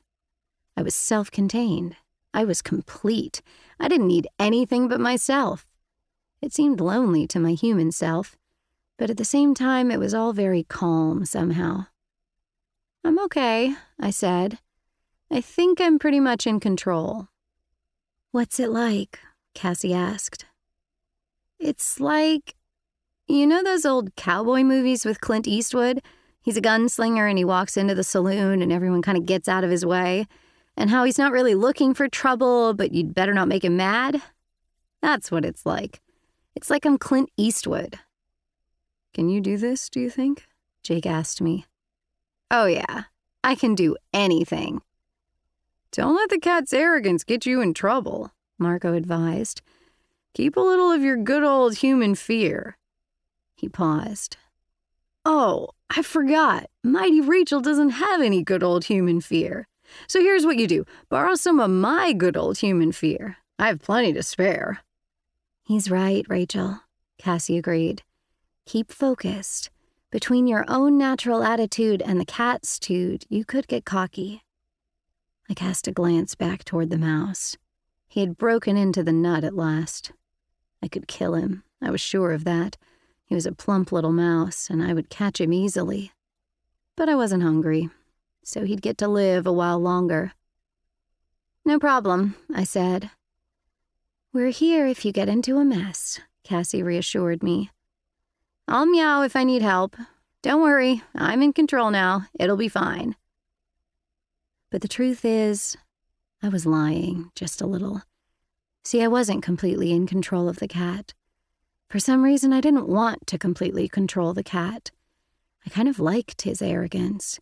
It made me feel more sure of myself. And despite what the others thought about me, I needed all the confidence I could get. The morph clock is ticking, Cassie said. It's quarter of eight. Remember that. I headed at an easy trot down the sidewalk toward the Chapman home. As soon as I started moving, I thought, Oh man, if I could just keep some of this for my next gymnastics class. It was like grace beyond any grace you can imagine as a human. I passed a wooden fence. There was a railing up high, maybe three feet up. I looked up at it. And then, before I could even think about it, I leaped. My powerful hind legs coiled up and released. I sailed through the air, three feet straight up, and I was an animal that stood only about 12 or 13 inches tall. It was the same as a human being just leaping to the top of a two story building. And it was totally nothing. It was just automatic. I wanted to jump, so I did. I wanted to stick the landing on a narrow two inch wide rail, and of course, no problem. Compared to a cat, the best gymnast who ever lived is like a big staggering cow or something. Um, Rachel, what exactly are you doing? Jake asked. They were all standing there looking at me. I had totally forgotten they were still around. Just practicing, I said. I jumped back down to the grass. Okay, get the job done first, I ordered myself sternly. You can worry about the Kitty Olympics later. I started again toward the house, but this time something forced me to stop. It was a telephone pole. The smell that emanated from it was overpowering. I went over to it. I sniffed it again and again in short snorts of air. The air was trapped in a series of chambers above my palate. It would be held there even while I went on breathing. That way I could get every possible bit of information from that smell. It was definitely a Tom's scent. A Tom cat had marked this pole by peeing on it. He was a dominant cat, very dominant. His smell made me nervous. Not afraid, just a little less arrogant than I had been. If this cat appeared, I would have to submit. I would have to make myself smaller and less threatening and accept his dominance. Or I could fight him and get my butt kicked. It was just the way things were. It was all there in the smell of his urine, where any cat could read it. I resumed trotting toward the Chapman home. Rachel, are you sure you're in control? Tobias's voice was in my head. Why did you stop to sniff that pole? I figured I should look like a real cat, I said. I was just playing the part. If you say so, he said doubtfully. Just remember, it's fun being an animal for a while. Not so fun when it's permanent. The two hour clock is ticking, tick tock. That got my attention. It was like a dash of cold water in my face. I focused my human mind and took greater control over the cat's mind. But it wasn't easy. The cat's mind did not even understand the notion of obeying. So I used something the cat would respond to. I conjured up the memory of the Big Tom's smell. That triggered the cat's submissiveness. I felt my part of the collective mind grow larger. You're almost there, Tobias said. This is the right yard. Yes, I know. My scent is everywhere. This whole area smells of me. This is home. This is all mine. Rachel, this is all Chapman's. And Chapman belongs to Visser 3. Don't forget that. I trotted to the cat door. Chapman, Visser 3, big deal. I was a combination of Rachel and Fluffer. What did I care about Chapman and Visser 3? The light inside the house was bright. My eyes adjusted instantly. My nose picked up the smell of cat food, too dry and old to interest me. I also smelled the humans Melissa, Mr. Chapman, and Ms. Chapman. Don't ask me how I knew that what I smelled were those three people. I just knew. I spotted a cockroach in the dust balls in the dark beneath the refrigerator. No interest to me. Roaches made interesting scratchy noises sometimes, and they were fun to watch run, but they smelled wrong. They were not prey. Swift movements. Feet. Human feet. I didn't bother looking up. It was Miss Chapman. High pitched sounds coming from the motor of the refrigerator. They were annoying. There were also the sounds of birds outside. They had a nest up under the eaves. Then the sound of Melissa's voice. Where was she? I didn't see her anywhere. The sound was muffled.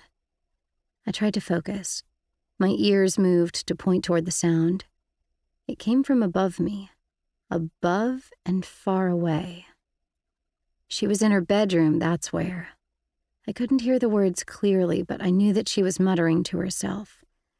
I trotted across the kitchen floor. I knew, as Rachel, I knew I should be afraid. But I couldn't be afraid. Everything here smelled like me. My scent glands had left their marks all over. On that door, on that cupboard, on that chair. It reassured me.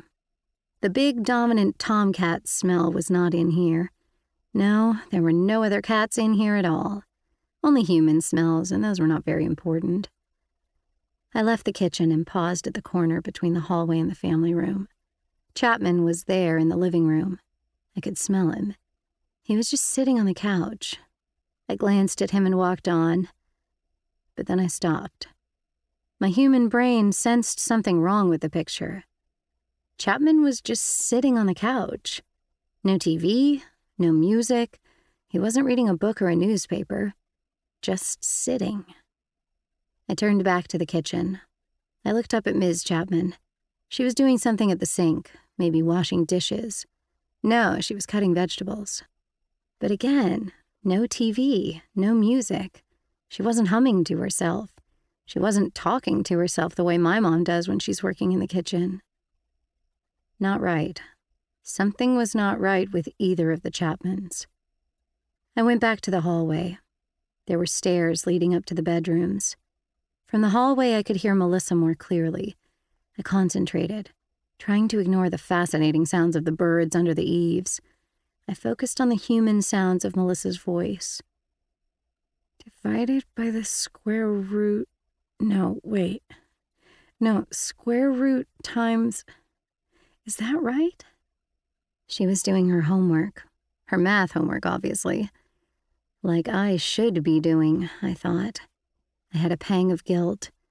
Instead of doing my homework, I was creeping around my friend's house, spying on her and her parents. I tried to find a clock. I had to watch the time. At 9:45, my 2 hours would be up. I wanted to be out of morph and back in my normal body long before then. Hopefully, I could still get home and do my math homework and at least do some of the reading for social studies class. I spotted a clock. It was over the mantel, between pictures of the Chapmans and Melissa. The clock said three minutes until eight. I had plenty of time. Sudden movement. Oh, just Chapman standing up. The cat part of me wasn't interested in Chapman one way or the other. But I forced myself to pay attention. It was important to watch him. That was why I was here. Is he prey? The cat brain seemed to be asking. Yes. Yes, I told the cat brain. Chapman is our prey. Chapter 12 I followed Chapman as he headed down the hallway. Either he didn't notice me or else he didn't care. He opened a door that let loose a flood of smells dampness, mildew, bugs. Rachel, how are you doing in there? I jerked in surprise. A very uncat like movement. It was Tobias. He had to be fairly close for me to be able to hear his thought speech. He must be on the roof or perched on a nearby tree branch. I strained my sensitive cat hearing. The birds under the eaves were silent. They were afraid of the big hawk. I'm fine, I said, but you scared me half to death. Sorry, I was just worried. Well, don't worry. I'm following Chapman down to the basement. Why? Because that's where he's going. Duh, I said. Somehow, Tobias's human words were annoying me. He wanted me to pay attention to him, and it was hard to do. The cat didn't care about his words. The cat just wanted to go down and look around the basement. Fortunately, that's what I wanted to do, too. I trotted down the rough wooden stairs after Chapman. Very weird, by the way. Going downstairs as a cat gave me a feeling of vertigo. I mean, I was going down head first. It's strange. Look, Tobias, I appreciate you looking out for me, but I'm kind of busy right now. I understand. I can't hear you very well anyway. You're getting farther away. Yeah, I'm going down. I waited. He said nothing. Tobias? I called but there was no answer. We're still learning about thought speech. We know there are limits on how far it can be heard, but we aren't sure what the limits are. The basement had paneling all around. The ceiling was bare wood and full of spiders and other interesting things. No mice, though, nothing that could be considered actual prey, but many things that might be fun to chase. Chapman is the prey, I reminded myself. We are hunting Chapman. There was a sort of TV room with a pool table and some old chairs and a couch. But it was obvious that no one had used them for a long time. There were no human scents on them. There was dust everywhere, and I could hear that there were spiders inside the TV set. The only part of the basement that appeared to have been used was a path right across the floor. I smelled the scents that Chapman had tracked there with his shoes. He walked in a straight line across the basement to a door. It was a simple white painted door.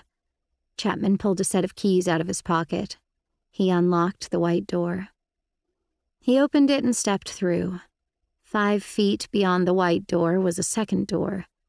This one was made of gleaming steel. It looked like the door to a bank vault.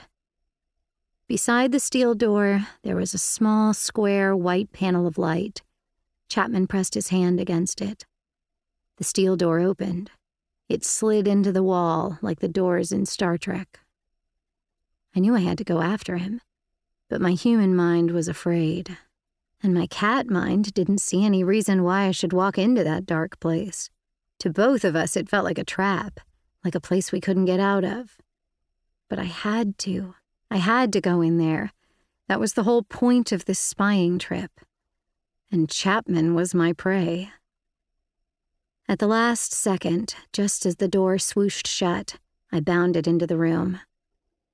It was dark at first, not that it bothered me. Then Chapman turned on a low light. It was strange because I could actually see better in the dark than I could with a low light. There was a sort of desk set into the wall. It was gray steel and very unusual looking. There were more little light panels in various cheerful colors, and there was something that looked like a small but complicated spotlight hanging down from the ceiling. In front of the desk was a chair, a totally normal office type chair. Chapman sat in it. He ran his hands over a blue panel. Then he looked at his watch. He sat patiently, waiting. For about a minute, nothing happened. I tried to look nonchalant, like I had just happened to wander in. But at the same time, I was careful to stay behind Chapman so he wouldn't see me. I remembered Jake's warning about how anyone else would just assume I was a plain old cat. But Chapman knew about morphing. The Yeerks knew about the Andalite morphing technology. So if Chapman or any controller ever saw an animal acting the wrong way, they could suspect the truth. Suddenly, a brilliant light snapped on. My cat eyes adjusted instantly, but even so, the light was painfully bright. It came from the little spotlight thing. Chapman turned around in his chair to face the light. The light began to change. It took shape. It turned different colors. The four hooves appeared the bluish fur, the many fingered hands, the flat, intelligent face with no mouth and only slits for a nose, the penetrating, almond shaped main eyes. Then the strange extra eyes mounted on stalks that turned this way and that, looking around the room. Last came the tail, the wicked, curved, scorpion like tail. An Andalite, just like the Andalite prince who had given us our powers. But I knew this was no true Andalite. Dread washed over me. Dread too strong for even my cat brain to ignore. This was no true Andalite. This was the only Andalite body ever seized and taken over by the Yeerks, the only Andalite controller in all the galaxy. This was Visser III, leader of the Yeerk invasion force, the evil creature who could morph into monsters acquired from all over the universe. This was Visser III, the creature who had murdered the Andalite prince while we cowered in terror. This was Visser III, who had nearly killed us all in the hell of the Yeerk pool. Welcome, Visser, Chapman said in a very humble voice. Iniss 226 of the Sulp Niar pool submits to you May the Kandrona shine and strengthen you. And you, Iniss 226, Visser 3 said. I was shocked to hear the Visser's voice. In his Andalite body, he had no mouth. Andalites communicate telepathically, just the way I do when I'm in a morph. The second shock came from what they had said to each other. Iniss 226. That had to be the name of the Yeerk slug who controlled Chapman. The cat part of my brain was busy with a different question. Was this apparition real? No. There was no scent. No scent at all. Only light and shadows. It was a hologram, I knew. But it was a very convincing hologram. Visser 3 seemed almost solid. He looked around as though he could see from his holographic eyes. I prayed he wouldn't look at me. Report, Iniss, Yes, Visser. Part of me just wanted to run. Even a hologram of Visser 3 makes your skin crawl. But now that he had figured out it wasn't real, the cat part of me was just bored. I realized why I could hear Visser 3. The hologram projector must not be able to transmit thought speech. It translated it into regular speech. Is there progress on locating the Andalite bandits? No, Visser. Nothing yet. I knew who he meant by Andalite bandits. That was us, the Animorphs. I want them found. I want them found now. Chapman jumped back in surprise at the Visser's command. I could smell fear on him. In a calmer tone, Visser 3 continued. This cannot go on, Iniss 226. It cannot go on. The Council of Thirteen will hear of it. They will wonder why I reported to them that all Andalite ships near this planet had been destroyed and all the Andalites killed. They will be suspicious. They will be angry. And when the Council of Thirteen is angry with me, I am angry with you. Chapman was literally quivering. I smelled human sweat. And I smelled something else, something not totally human. It was very faint. Was that the Yeerk itself I was smelling? Was I smelling the Yeerk slug in Chapman's head? It seemed impossible. But there was some strange smell. Something. Something. I concentrated all my cat mind on analyzing the smell. What is that? Chapman swiveled in his chair. I looked up and froze. Chapman was staring right at me. And worse, much worse, Visser Three's stalk eyes were focused on me too. It's called a cat, Chapman said nervously. An Earth species used as a pet. The humans keep them close and find comfort in them. Why is it in here? It belongs to the girl, my the host's daughter. I see, Visser 3 said. Well, kill it. Kill it immediately. Chapter 13 Kill it. Kill it immediately. I wanted to run. I wanted to panic. But some strange combination of the cat's cunning and my own intelligence came together and saved me. I didn't so much as flick a whisker. If I had, I would have been dead. I knew that for a fact. If I'd reacted like I'd understood, they would have known for sure that I was no normal cat. Visser 3's hologram watched me closely. All four of his Andalite eyes were focused on me now. And behind that gentle Andalite expression, I could feel the razor sharp focus of the powerful, evil Yeerk. Chapman, too, was staring at me. He had the same look in his eyes that he had when he caught someone trying to skip out of school. I was terrified. Or at least the Rachel part of me was terrified. Fluffer couldn't have cared less. He sensed my concern, but he had none of his own. There were no birds of prey here, there were no dogs, there were no smells of dominant cats. There was only a sort of three dimensional picture that had no scent. And Chapman. Chapman might be prey, or he might not, but he was certainly no threat. It could be an Andalite, Visser 3 said. Destroy it. In response, I said, Meow. Visser 3 glared at me. What is that? It's it's the s- sound a cat makes, Visser. I b- b- believe it wishes to eat. Swap! Suddenly, without warning, Visser 3 whipped his tail at me. A dangerous, foot long, scythe shaped blade arced toward me at a speed no human could hope to evade. But I wasn't just a human.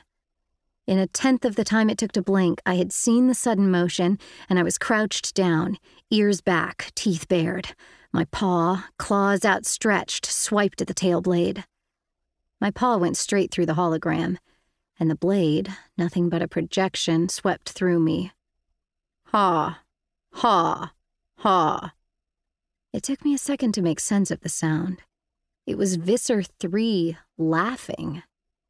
Chapman seemed amazed too, like he had never heard the Visser laugh, like it wasn't even possible to imagine the Visser laughing. What a ferocious little beast, Visser 3 said approvingly. See how he did not back away or run? I am many times his size, and yet he struck at me.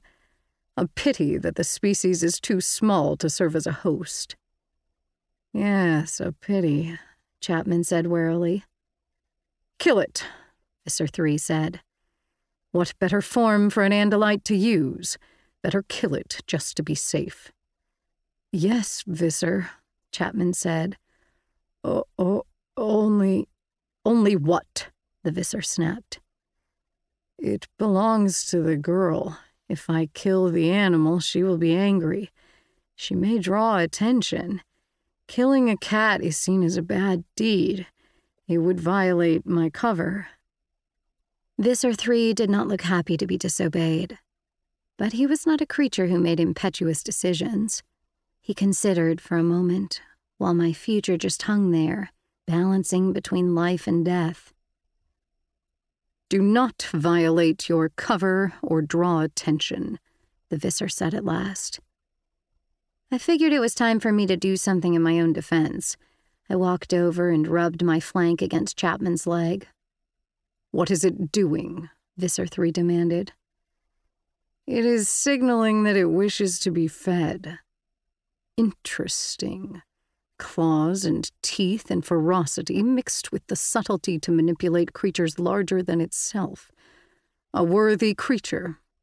Yes, let it live for now. Let it live until we have resolved the matter of the girl. Chapman's face actually seemed to twitch. It was the only emotion he had shown other than fear.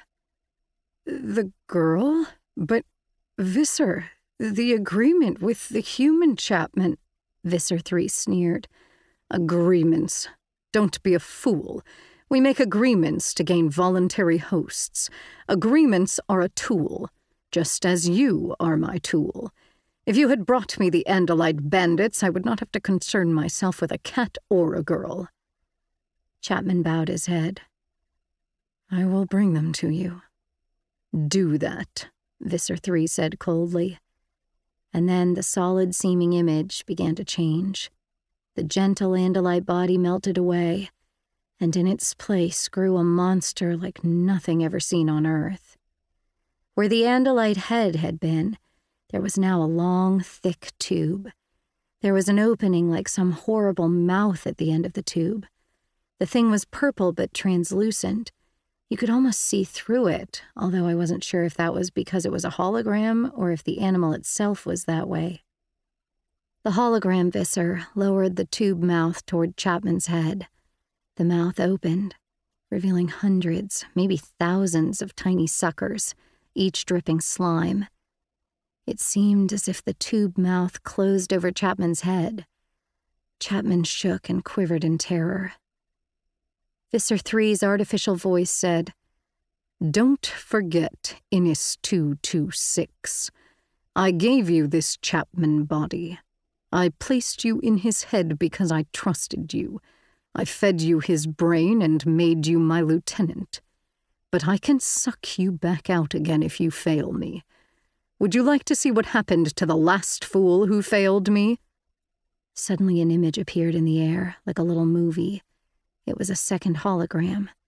It showed a human woman, pain racked, screaming, with the purple creature sucking on her head. The real Chapman began to moan. Oh, oh, no, Visser, I beg you. In the little movie, the translucent purple thing suddenly went into a spasm. From the woman's ear, there came the slug. It was sucked, dripping, gray, slimy, right out of her head. The purple creature swallowed the Yeerk slug. Then the little movie ended. Not a very pretty picture, is it, Iniss 226? Chapman just shook his head. His eyes were still staring at the empty air where the image had appeared. Visser 3 began to resume the Andalite form. Don't fail me, Visser 3 said. Chapter 14 Suddenly, Visser 3 vanished. The room was dark again. Chapman sat hunched over the desk with his head in his hands. It was a while before he opened the door, and we both went back up the stairs. Miss Chapman was there waiting. What are the Visser's orders? she asked in a whisper.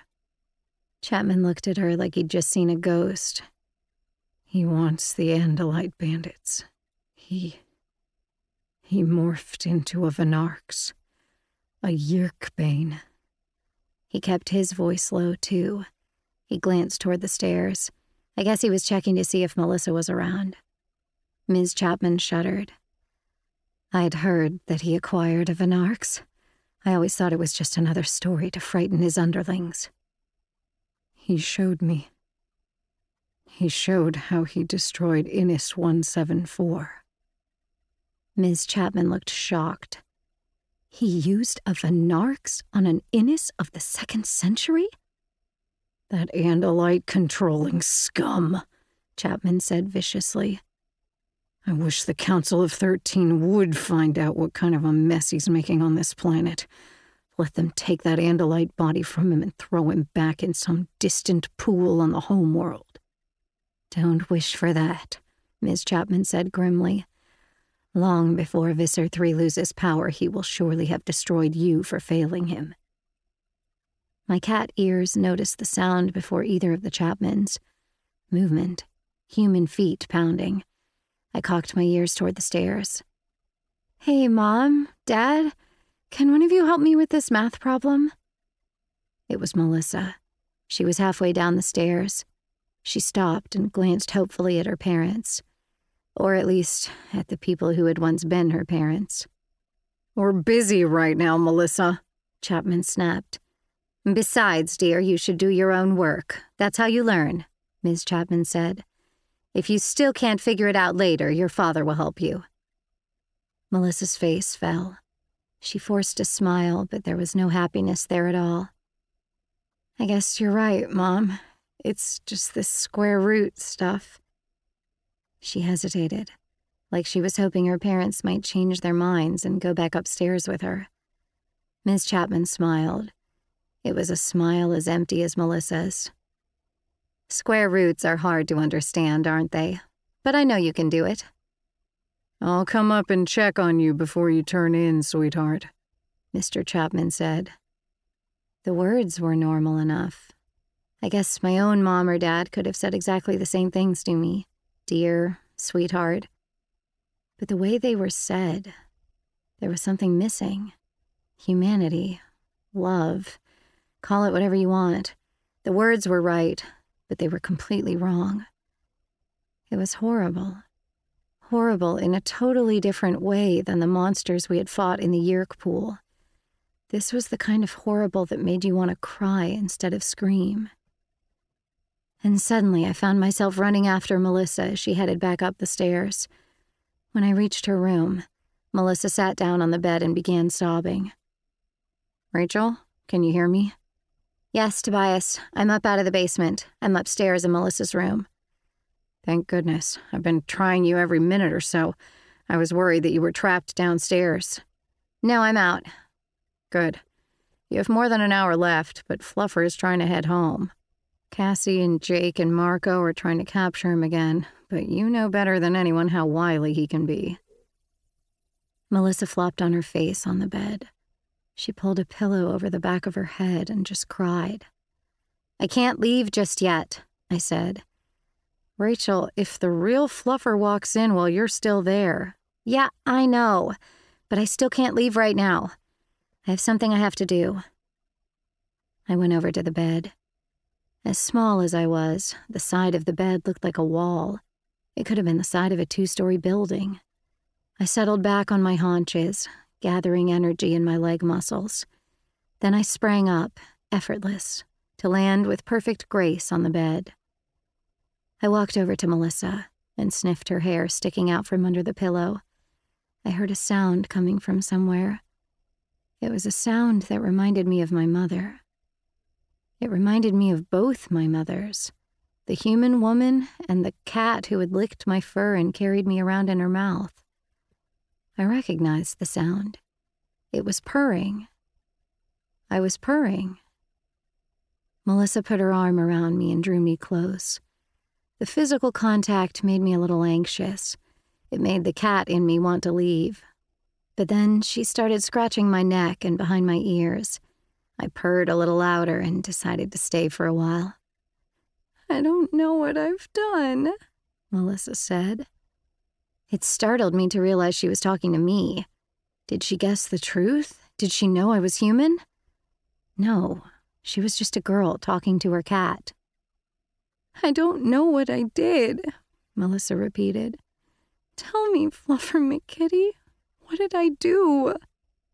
Rachel, what are you doing in there? Tobias, I have plenty of time. You have less than an hour. Don't push your luck. Jake is practically having a fit out here. He's telling me to tell you to get out. Not yet. Melissa needs me. I had stopped purring, probably because I was preoccupied arguing with Tobias. I started purring again. I felt Melissa needed me to purr. She was still crying, still scratching slowly behind my ears. What did I do, Fluffer? she asked again. Why don't they love me anymore? I felt like my own heart would break right then. Because I knew now why Melissa had stopped hanging out with me. I knew why she had become more withdrawn. And I knew how little hope there was for her. My stomach turned and twisted. Next time Marco asked why we were fighting the Yeerks, I knew I would have a whole new answer. Because they destroy the love of parents for their daughter because they made Melissa Chapman cry in her bed with no one to comfort her but a cat. It was a small answer, I guess. I mean, it wasn't some high sounding answer about the entire human race. It was just about this one girl, my friend, whose heart was broken because her parents were no longer really her parents. Look, Rachel, I told Jake what you said. He said to remind you that you have a job to do in there. You're not in there to. Tell Jake to shut up, Tobias, I said angrily. I'll come out. I'll come out. Just not yet. I purred as loud as I could. Melissa cried. And it came to me like a vision. All the children all over whose parents had been made into controllers, and the parents whose children had been taken from them to be turned into controllers. It was a terrible image. I wondered how it must feel to see your parents stop loving you. After a while, Melissa fell asleep. I got up and padded down the stairs to the pet door. It was chilly outside. My friends were all waiting. They were also a little mad at me for making them wait and worry. You only have ten minutes to spare, Rachel, Jake said. I hope it was worth scaring us all half to death. Did you at least discover something useful? Yes, I discovered plenty. I discovered that Chapman has a way to communicate directly with Visser 3. I discovered that Visser 3 is pretty hot to catch us, although he still thinks we're Andalites. And I decided something, too. What? Cassie asked me. I decided that I don't care what it takes or how many risks I have to run. I don't care what happens to me. I hate these Yeerks. I hate them. I hate them. And I will find a way to stop them. Chapter 15 That night and the next morning, I barely got any homework done. In math class that day, I got the first C I'd gotten in a long time. My grades were starting to fall because I was busy trying to save the world or at least to save my old friend. I knew now what had happened, why Melissa and I weren't friends anymore, at least not close friends. Something had gone terribly wrong in her life. Her parents no longer loved her. They pretended to, they sounded like they did, but Melissa knew it was all wrong. Every time I thought of it, I felt like my insides were burning up from the anger. I guess I knew a little bit about what she was feeling, when my parents got divorced, I worried that maybe that meant they didn't love me anymore. I was wrong, they still did. I don't see my dad as much as I would like to, but he does love me. My mom loves me. Even my sisters love me. Love is pretty important. It's like wearing a suit of armor, it makes you strong. On my way out of math class, Jake came sidling up next to me. Meeting later, okay? Yeah, whatever. Where at? The church tower, where we were the other day. Okay, but it's a long walk. He turned around to face me, walking backward and grinning. So, don't walk, he said. He waved and headed off down the hall. Two hours later, I was in the air. Let me tell you something. Getting that big eagle body off the ground isn't easy. It is definitely work. I wondered if my human body got any of the aerobic benefits of the exercise. Once I got clear of the ground, I was able to catch little gusts of wind to climb higher. But it wasn't till I made it above the trees and the school buildings that I started getting a good solid breeze that helped lift me up. When I finally got high enough, I spotted Tobias. His reddish tail feathers were like a beacon. Man, that was a workout, I said when I got close enough. Tell me about it. Follow me. The mall is an excellent place for thermals. The mall? Why the mall? It's all that parking space. See, the concrete gets hot in the sun. The concrete, the cars, the buildings themselves, they're all hot. So there's almost always a nice warm updraft. Flying is like the nicest thing in the world, I said dreamily. Yes, it is, Tobias agreed. One of the nicest things. But there are things you miss, too sitting back on the couch with a can of soda and a bag of chips and no school the next day and something good on TV, that's a good feeling too. He didn't sound like he was feeling sorry for himself, just like he was mentioning something that happened to be true. There's the church tower. I see another bird heading toward it, and I think I see Cassie coming out of her morph. Down we go, Tobias said. Ten minutes later, I had morphed back into my human body. You know what we need? Marco said. We need to coordinate these morphing outfits. I mean, Cassie's wearing green patterned leggings and a purple stretch top, and Jake's got on those awful bike shorts, and Rachel is stylish, as always, in her black tights. Put it all together, and we look pretty scruffy. What do you want? Jake asked him. You want us all to wear blue with a big number four on our chests? Become the Fantastic Four? The Fantastic Four plus the Amazing Bird Boy, Tobias added. No way, Marco said. Not Fantastic Four. I'm thinking more an X Men kind of thing. It's not about being identical, it's just about having some style. Right now, if anyone saw us, they wouldn't think, oh, cool, superheroes. They'd think, man, those people do not know how to dress. Marco, I said, I think it's time to get over this fantasy of yours. We are not superheroes. This is not a comic book. Yes, but I really, really want it to be a comic book. See, in a comic book, the heroes don't get killed. I mean, okay, they get killed, but usually not the big ones, or it's only temporary. Can we deal with reality here? Jake asked. We have business to discuss. What's the matter with combining green and purple? Cassie asked Marco. It's a major fashion no no, Marco said. Been reading Vogue again, Marco? I teased. Jake put his hand over Marco's mouth. People, and I use the term loosely, we need to decide what we're doing next. Marco pried Jake's hand away. I want to decide what we're not doing next. I should be spending more time with my dad. You know, he's still messed up over my mom. Marco's voice always cracked whenever he mentioned his mom. He'd start out sounding tough and all, but his voice would end up with that little break, that little wobble. It had been two years since his mother disappeared. They said she drowned, although they never found her body. His father had fallen apart. It was the main reason Marco was so reluctant to be an Animorph. He was worried that if anything ever happened to him, his dad would just give up totally. I could see that Jake was about to say something impatient, and I was feeling the same way, like Marco just needed to deal with reality. But Cassie put her hand on Marco's arm. Don't ever let any of this get in the way of spending time with your dad, she said earnestly. He needs you. We need you too, Marco, but your dad comes first. She looked at Jake, then at me. There isn't much point in doing any of this if we forget why we're doing it. I thought about Melissa. And I thought about my mom and dad and how great it was to have them, even when they got on my nerves.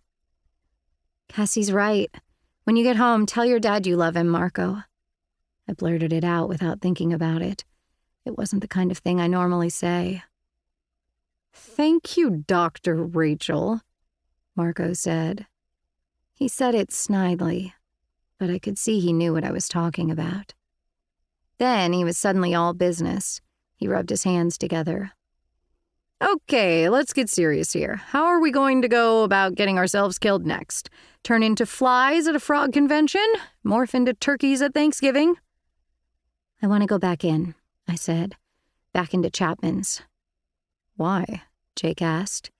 We learned a lot already. We. We didn't learn the location of the Kandrona, I pointed out. That's what we need to do sooner or later. The Andalite made it pretty clear to Tobias that the Kandrona is the weak point for the Yeerks. The Kandrona sends out the rays that are concentrated in the Yeerk pools. If we destroy the Kandrona, we hurt them bad. Marco raised a skeptical eyebrow. Excuse me, Rachel, but what is a Kandrona? I mean, we know what it does, but what does it look like? How big is it? For all we know, the Kandrona could be the size of a lighter and be in Visser 3's pocket. That's not the impression I got from the Andalite, Tobias said. Whatever, Marco said impatiently. The point is, how do we destroy something when we don't even know what it is? That's why we have to follow the one lead we have, I said. Chapman. Chapman communicates with Visser 3. The two of them know where the Kandrona is. If I can spy on them, maybe I can figure it out. They were all staring at me. Marco looked at me like I was crazy, Jake looked thoughtful. Cassie looked worried, like she wasn't sure about what I was saying. Tobias turned his fierce, intimidating hawk stare on me. Are you sure you're just going back to spy on Chapman? He asked me privately. I don't think you should go back in there alone, Jake said. How is anyone else going to go in with me? I asked. We can't have two cats running around. I mean, as Fluffer, I can go anywhere without any of them being suspicious. See, I hadn't told anyone about Visser 3 telling Chapman to kill me. I knew it was wrong to keep secrets like that from the group, but if I'd told them, they would have never let me go back in. Unfortunately, although Jake may not be all that perceptive, Cassie is. Are you sure nothing went wrong while you were in there, Rachel? Cassie asked me. She was looking at me with this kind of sideways look Cassie gets when she's trying to figure someone out. It was scary, I said, but nothing happened. It wasn't exactly a lie.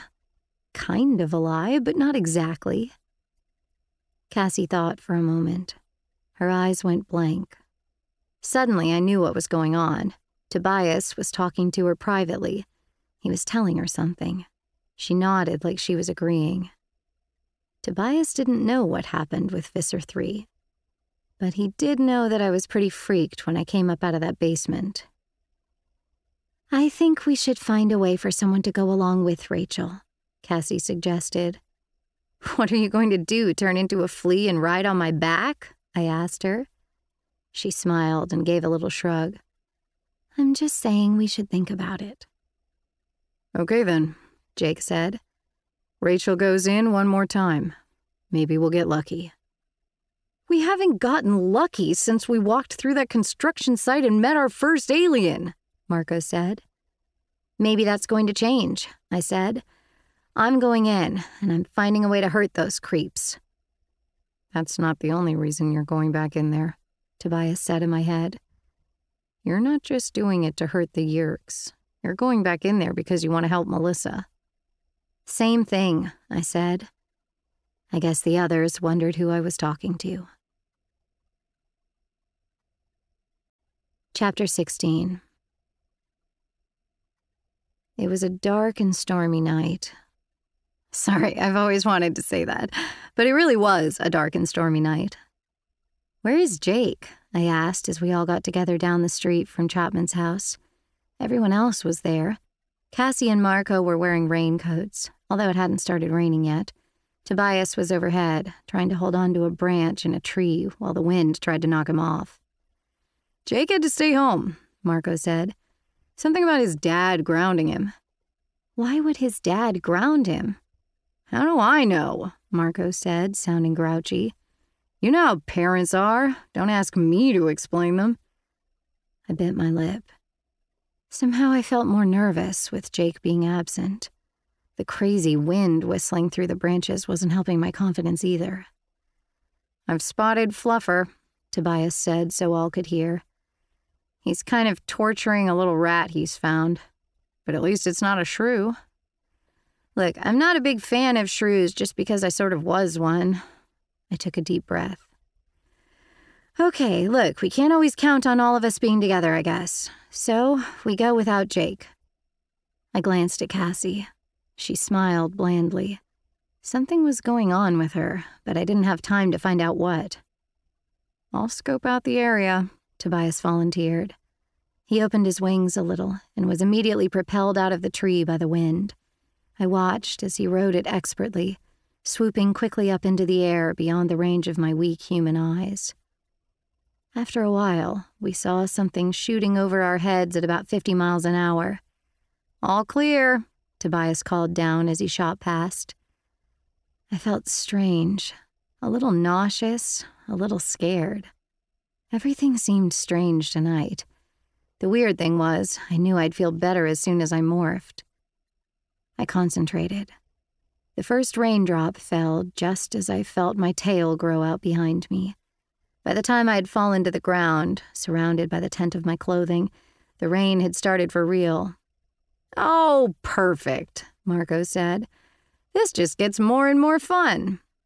At least you have a raincoat, I said. I have nothing but fur, and this rain makes it impossible to smell anything out here. Cassie squatted next to me. She's just a normal sized girl, but when you're a 10 pound cat, any human being looks like Godzilla. Be careful, Rachel, Cassie said, and then she stroked my back. I started to move away, but she kept her hand on my back for a few seconds. Then, smiling mysteriously, she stood up. I found I soon lost interest in Cassie's expression. Cats really don't have much interest in humans at all, unless food is involved. I'm out of here, I said. I took off at a medium run. Cats don't like rain. I could feel the cat brain's distaste. I'd always thought cats hated all water, but that wasn't Fluffer's attitude. See, to him, it was all about the smells and the sounds. Rain washes away scents. Without scents, a cat feels cut off and lost. Almost as bad as losing smells is the fact that rain plopping all around you makes it hard to listen for the important sounds the tiny high pitched squeaks and the little furtive scritching noises. Rain to cats is like being in the dark is to human beings. It just makes the whole world kind of boring. So I ran toward the kitty door, actually looking forward to the friendly smells and sounds of home. At least, that's what Fluffer was thinking. I was still wondering why Jake hadn't come. And I was wondering if it was some kind of bad omen. There was a bad feeling over this whole mission. I knew my way around the Chapman home, both as a cat and as a human. And I was pretty sure I knew the routine. Last time Visser 3 had made contact right at 8 o'clock. If Visser 3 communicated with Chapman at the same time every night, then I had arrived right on schedule.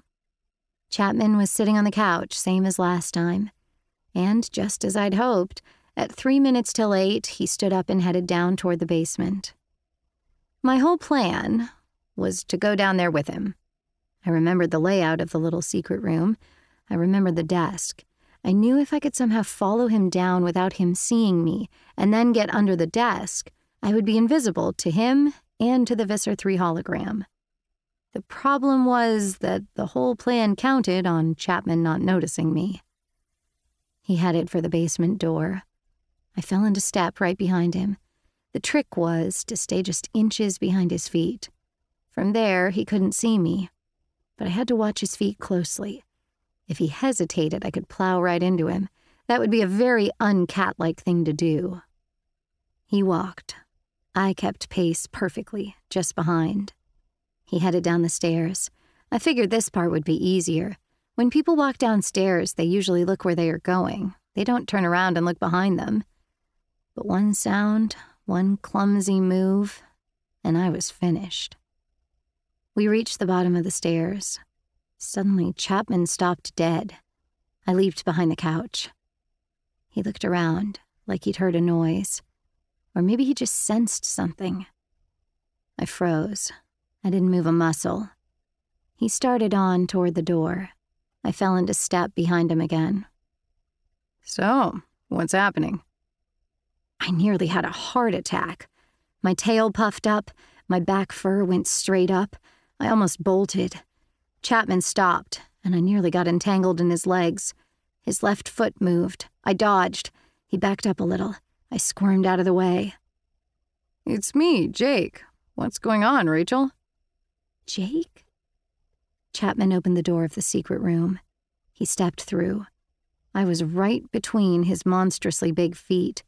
If he happened to glance down. But he didn't. He didn't. And when he turned around to shut the door behind him, I bolted for the desk. I jammed my body as far back in the dark corner as I could. I'd made it. Barely. I was alive. So far. Rachel, can you hear me?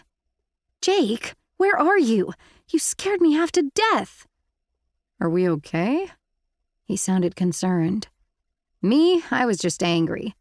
What do you mean, are we okay? I yelled silently. Where are you? Well, I'm kind of on you. On me? Jake, this is not the time to be playing jokes. Chapman sat down at the desk, his feet pushed beneath the desk, just narrowly missing me as I once again dodged nimbly out of the way. Sorry, I can't exactly see. I kept my eyes focused on Chapman's feet. Cats have incredible powers of concentration. I focused hard on those big feet each almost as big as I was. I had to stay out of their way. That was the key to staying alive. Jake, we're in kind of a situation here. In like 10 words or less, where are you? In 10 words or less, I morphed, Jake said. I'm a flea. Chapter 17 Excuse me? It would have been funny if I hadn't been so terrified. Are you telling me you morphed into a flea? A flea? Yeah, I'm on your back. Or your head. I can't tell. I don't really have eyes. At least, not eyes that see anything I can understand. I mean, all I know is warm or not warm. I. I think I can sense blood. That's about it. And I can kind of sense motion. Like when your hair stood up, I knew there was something going on around me. Jake, this is sick. This is beyond sick. What is the matter with you? A flea? Are you insane? Just being a lizard made you sick. This is way worse. Actually, it's kind of okay, he said. I mean, I don't know how to explain it, but the flea mind is so limited it's not hard at all to control. All it knows is to move toward the sense of warm blood and eat. It's like I don't know. Like, in a way, I'm not even really in the flea because I can't see much or sense much. I expected it to be horrible, but when Cassie and Marco and I tested it out, they're in on this with you? Of course. That's why Cassie had made such a point of patting my back. She was depositing Jake on me. Rachel, we were worried about you. We figured someone should go along with you. Tobias said, Ah, so Tobias is in on this too. Tobias said you were not telling us everything. He wasn't sure why, or what it was you weren't telling. I sighed inwardly. I guess it's good to have friends who care about you. But on the other hand, Jake had practically made me run into Chapman. Besides, the idea of Jake morphing into a flea and crawling around in my fur just gave me the worst creeps you can imagine.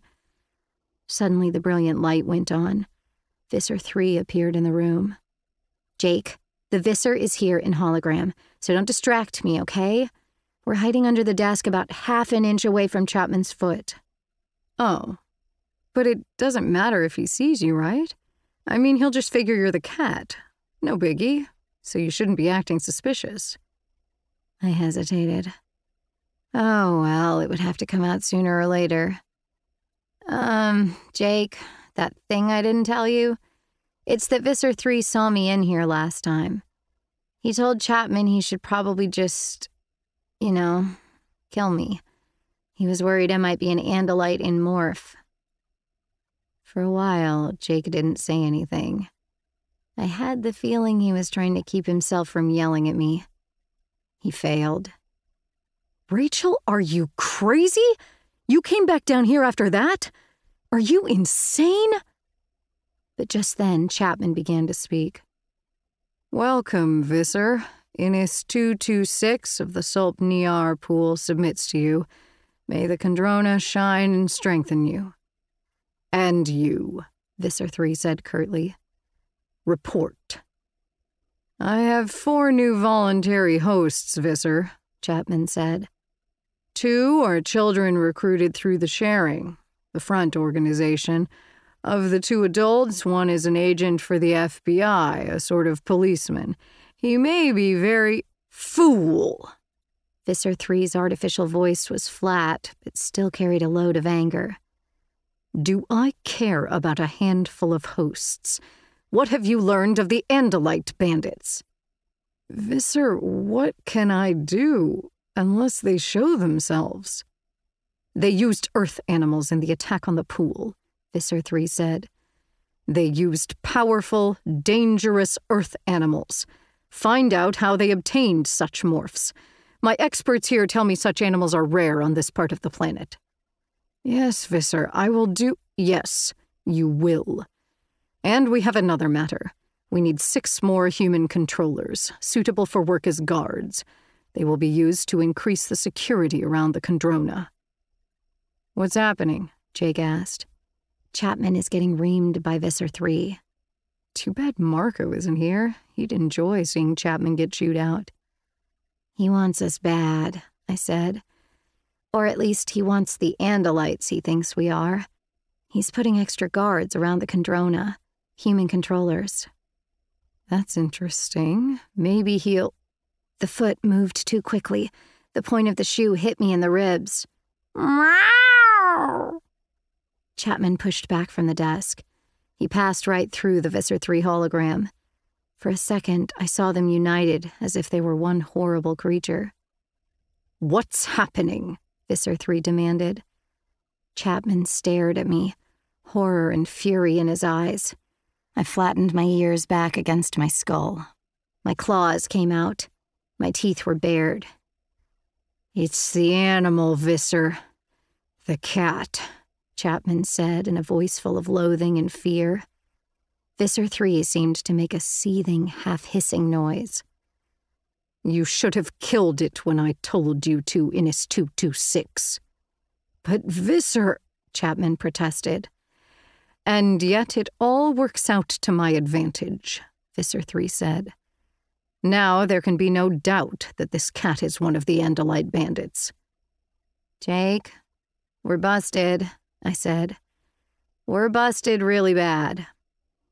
We will no longer have to search for the Andalites, Visser 3 said. We have one right here with us. Shall I kill it? Chapman asked. No, don't kill it. Seize it. Seize it now, before it can morph back into Andalite shape. By the time I am done with this one, we will have them all, it has been a long time since I tortured a proud Andalite warrior, but I know how to break them. Seize it and bring it to me. Chapman knew better than to argue. Chapter 18 Chapman dived. His hands were open wide, grabbing for me. I was trapped. No way out. No way to open that door and escape. Trapped. No sensible choice but to surrender. But the cat and I were in agreement on this. You never surrender. I felt my claws extend. My pupils were wide, ready to see every tiny movement. My ears were flattened back against my skull. My needle sharp teeth were bared. My liquid steel muscles recoiled. Chapman's hand seemed to slow down. It was like he was moving in slow motion. Everything seemed slower to my heightened cat senses. Only I was moving at normal speed. My paw lashed out. My claws bit flesh. I saw three bright red tracks on the back of Chapman's hand. I could smell the blood that flowed. Ah! Chapman howled. He backed away. Get it! Visser 3 shouted. What's going on? Jake wondered. I feel like we're bouncing around a lot. Chapman got a determined look on his face. He came at me again. I was cornered, no way out. I slashed. Chapman cried out. My claws were lacerating him, tearing furrows in his arms and hands. He grabbed me around the middle. The cat in me hated being grabbed that way. Hated it a lot. I brought my teeth into it. I was a 10 pound bundle of lightning fast claws and teeth. Chapman's hands looked like raw hamburger. A magnificent animal, Visser 3 commented. Twist it around. Hold it with your forearm. That's right. I did a lot of damage. Believe me, Chapman got hurt. But in the end, no matter how tough I was, I was just 10 pounds of killer. Chapman was about 18 times bigger. He got his forearm around my chest. He had me pressed back against his chest. My front legs were pinned. With his other arm, he managed to grab my hind legs. All I could do was bite. I bit. I bit again and again. But although I could hurt him, I couldn't kill him. I couldn't stop him. His fear of Visser 3 was greater than the pain I was causing. Bring it to me, Visser 3 said enthusiastically. Bring it to me. I will come to collect it at the nearest landing site. Visser, what if it. Ow! What if it resumes its Andalite shape? You have weapons. If it tries to remorph, kill it. Yes. Ah! Rotten little beast. Yes, Visser, I will go directly. We will deal with this Andalite bandit. And bring the girl, too. The girl? Melissa? Chapman asked. I have been indulgent too long. This Andalite spy has penetrated your home. It is because of the girl. I have already chosen the Yeerk for her. Bring her with the Andalite. Obey me, Iniss 226. Or prepare to face the Venarchs. Visser 3's hologram disappeared. Chapman suddenly threw me across the room. I twisted in midair and brought my legs around for the landing. I hit the floor and skidded. Okay, something is definitely going on out there. By the time I was up, Chapman had reached his desk and opened a drawer. His bloody hand came out with a small pistol like device I had seen before. It was a handheld Dracon beam. Chapman leveled the weapon at me. He was shaking. His face seemed to be twitching. The weapon jerked a little with each spasm, but I knew he would still have gotten me if I'd tried to move. Are you going to tell me what's going on? Jake demanded. A few seconds ago, I felt another warm body close by, and I think I'm sensing blood. We're in kind of a mess, I said. What kind of a mess? Jake asked. Chapman has a Dracon beam pointed at me. He knows I'm not exactly a cat. He thinks I'm an Andalite. He's taking me to Visser 3. Oh. This is bad. It gets worse. Visser 3 wants Melissa, too. Chapman opened the door a crack. Get down here, now, he yelled upstairs. I guess he saw my eyes flick toward the door. He made a fierce, vicious grin. Try it, Andalite. Go ahead and try it. I'd love the excuse to fry you. I decided not to head for the door. You've made life very difficult for me, Chapman said. Very difficult. If I have to let Visser 3 take the girl, my host will make life annoying for me. Do you know how tiring it is to have an uncooperative host? No, of course you don't. But trust me, Andalite, I will gladly kill you. Ms. Chapman appeared at the door. What is it? This cat is one of the Andalite bandits in a morph. Visser 3 wants him. Get me the cage we used to take him to the vet. Ms. Chapman nodded and disappeared. What's going on now? Jake asked. Ms. Chapman is getting a cage, I said. I was feeling utterly defeated. Because of me, the Yeerks were going to take Melissa. I'd failed. I'd made a mess of things. Ms. Chapman brought the cage. She opened the little barred door. In, Chapman snapped. I didn't move. In, he said in a cruel whisper. In, or I'll finish you right here. He looked like he meant it. I walked into the cage. Ms. Chapman closed the door and made sure it was locked. Chapman snatched up the cage and carried me to the top of the stairs. Now, he snapped at his wife, go get. Peering through the slats in the side of the cage, I saw him stagger. His face was twitching like he was a crazy man. He seemed to be having a hard time getting control of his mouth. Go get the girl, he said through gritted teeth. Miss Chapman started to obey, but then Chapman cried out, Oh, ah! He fell to his knees. He is, er, he is fighting me. Host rebellion, Miss Chapman muttered under her breath. She seemed horrified and fascinated all at once. Then suddenly, her left hand slapped her own face. Ah, mine, mine too. Stop it, Chapman, Chapman said. Stop it, or I'll break you. I'll leave you nothing but a shell. You cannot win. No host has ever succeeded in rebelling.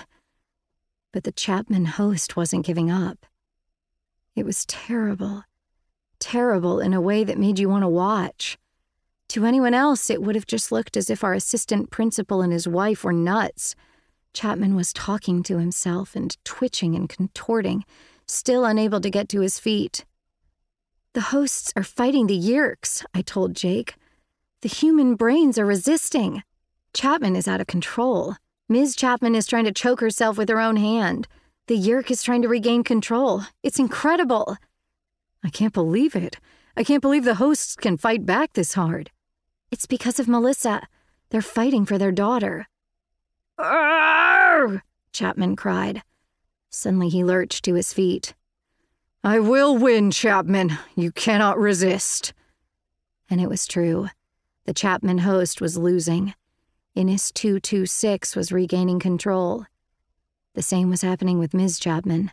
The yeerk in her head was forcing the rebellious hand away from her throat. But neither of the Chapmans looked good. They're exhausted, I reported to Jake. They're regaining control, but they're both a mess, sweating, pale, still trembling and jerking. Chapman looked at his wife. Or at least, the Yeerk slug in Chapman's brain ordered his eyes to look toward the body that was controlled by a different Yeerk. It was harder now to think of Chapman as just being Chapman. I had seen proof that there were two creatures inside him. I even knew what that was like. There were two people in my head as well. I had fought to control the shrew, just as the Chapman Yeerk now fought to control Chapman's brain. Chapman said, I have control again. Ms. Chapman nodded. Yes, but just barely. They fight fiercely for their children, these humans. And they will not stop fighting. I can't maintain my cover with this host waiting to attack at every opportunity. I have to be at the school every day. The host is beaten and exhausted for now, but in a few days he will strike again. Chapman sounded angry and frustrated. He's not a fool. He knows he can't win. He knows each battle will leave him weaker and that eventually I will triumph. Miss Chapman kicked my cage like it was all my fault. He doesn't have to win. All he has to do is wait until you are in a meeting with parents or members of the school board. Then strike. They'll think you've lost your mind. Chapman looked haunted. He checked his watch. I'll take the Andalite to Visser 3. Maybe. maybe I can make him understand. Go, quickly, Ms. Chapman told her husband. Chapman snatched up the cage I was in. He barreled through the door. He slammed me into the door jamb on the way. Daddy? Daddy? What are you doing? It was Melissa. She was across the living room. I hadn't seen her arrive. Where had she been? I could only pray that she had not heard everything. If she'd heard it all, there was no hope for her. Chapman kept walking, out into the wet night. Daddy, do you have Fluffer in there? It's Melissa, I told Jake. If she doesn't back off, she's going to force them to take her. Daddy? Melissa sounded frightened now. She came running. Chapman moved quicker. The real Chapman was helping. He knew his daughter would only make things worse if she tried to intervene. Fluffer! Melissa cried. There was only one hope. Tobias, I cried out, making my thoughts speech as loud as I could. Tobias, can you hear me? His answer was faint, but it was Tobias. Yes, Rachel. The real Fluffer. We need him. We need him right now. Rachel, what is going on out there? Jake demanded. Fluffer! Why are you taking Fluffer? Daddy, stop! Chapter 19 Out the front door we went, out into the night. Melissa sobbing pitifully, Jake demanding to know what was happening, Chapman walking as fast as he could. Melissa grabbed her father's arm. The cage wobbled wildly. Daddy, you can't take Fluffer. Don't take him away. What are you doing? The car. I could see it in the driveway. We were almost there. Suddenly, I heard a yowling, yammering, high pitched sound that started as a hiss and ended as a shriek. Like a bullet, he came, racing across the lawn. The real Fluffer. He was running like every monster in the world was right behind him. In the darkness, the humans couldn't see what was scaring Fluffer so badly, but with my cat eyes, I could see perfectly. Just a few feet off the ground, like some dark shadow of death, came Tobias. Fluffer must have recognized his cage. He must have figured that if he just got inside, he'd be safe from the talons of the raptor that pursued him. Fluffer leaped toward the cage. He glommed onto it and tried to dig his claws into the plastic. For one frozen instant, Fluffer McKitty saw something he never expected to see. Fluffer saw himself. It was almost as weird for me. The cat in my head was totally baffled. This new cat smelled exactly like himself. This did not make any sense at all. It meant nothing. It wasn't even a part of any cat reality. The human part of me noticed a small cut on Fluffer's head. Tobias had taken a good swipe at him to get him moving in the right direction. Fluffer? Melissa said. But. She tried to peer inside the cage. Chapman was quick. No, sweetheart, he said. This isn't Fluffer at all. It's some other cat that sneaked into the basement. He's different. I'm taking him to the shelter so his owners can pick him up. But why didn't you just tell me that? Chapman looked confused. I. I didn't notice you. Melissa stepped back like she'd been slapped. But, Daddy, I was crying. Sorry. Chapman shrugged. He shoved the cage into the back seat. We drove off. I breathed a sigh of relief. I knew Melissa wasn't safe yet, but she was safe for now at least. Good work, Tobias, I said. But I don't think he could hear me. And I couldn't see out of the windows, so I didn't know if he or Marco or Cassie were anywhere close. Jake, you still with me? Yes. Do you have a minute to fill me in? This flea existence is fine for hiding, but I can't tell anything about what's going on. I'm in a cat carrier. Chapman's in the front seat. He watches me through the rearview mirror. He still has the Dracon beam. I think maybe I'm in pretty big trouble here. We're not beaten yet, Jake said. Jake, time must be getting short. It's been at least an hour. You must have morphed before me. You need to get away and morph back. We still have time. Jake said. You have a watch, Jake? I asked. I don't think so. You're what, about twice the size of a period on the page of a book? You can't risk being trapped in a flea morph. Besides, there's nothing you can do. We hadn't traveled far before the car started bouncing and rattling over rough road. As soon as we get outside, you need to jump off, Jake, I said. Just make yourself jump away from warmth and away from the smell of blood. You can do that. The car came to a stop. Rachel, there is no way I'm going to leave you alone. I knew he was trying to be brave, but he was making me mad. Jake, we're trapped. He's got a Dracon beam, and I'm in a cage. Visser 3 is coming to get me. I can't morph back, or they'll see I'm human. Chapman will recognize me. How long do you think it will take them to figure out who the rest of us are? It would be the end of us all. The end of the Animorphs. The end of the only hope for stopping these guys. Come on, Jake, you know it's true. We're not beaten yet, Jake repeated stubbornly. The only hope is for me to stay in Catmorph, I said. They'll probably. you know. But at least they'll never find out about the rest of you. Now jump off me. Chapman got out of the car. He came around and opened the back door. Time to meet the Visser, Andalite. He'll have a wonderful time with you. Chapman lifted me out of the back seat. I looked out through the bars. We're at the construction site, I told Jake. Now get off me. I'm not. I couldn't argue with Jake anymore. I was afraid now. Afraid. I could picture what Visser 3 might do to me. Sorry, Jake, but this time I'm the boss, I said. I cocked my rear leg and started scratching in that rapid cat like way. What the? What are you doing? I'm scratching. I want you off me. Okay, okay, Jake said. Just stop it. It's like an earthquake here. Okay, Rachel, you're right. We've lost this battle.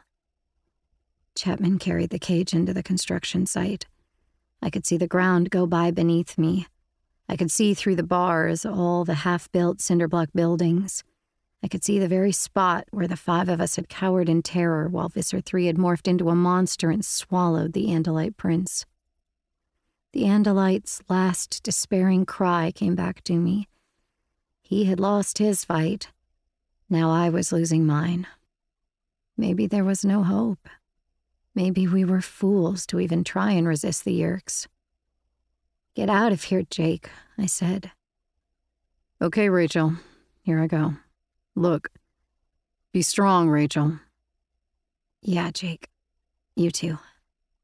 Jumping. A few seconds later, Chapman put me down on the ground. He waited beside the cage. The two of us stared off into the darkness.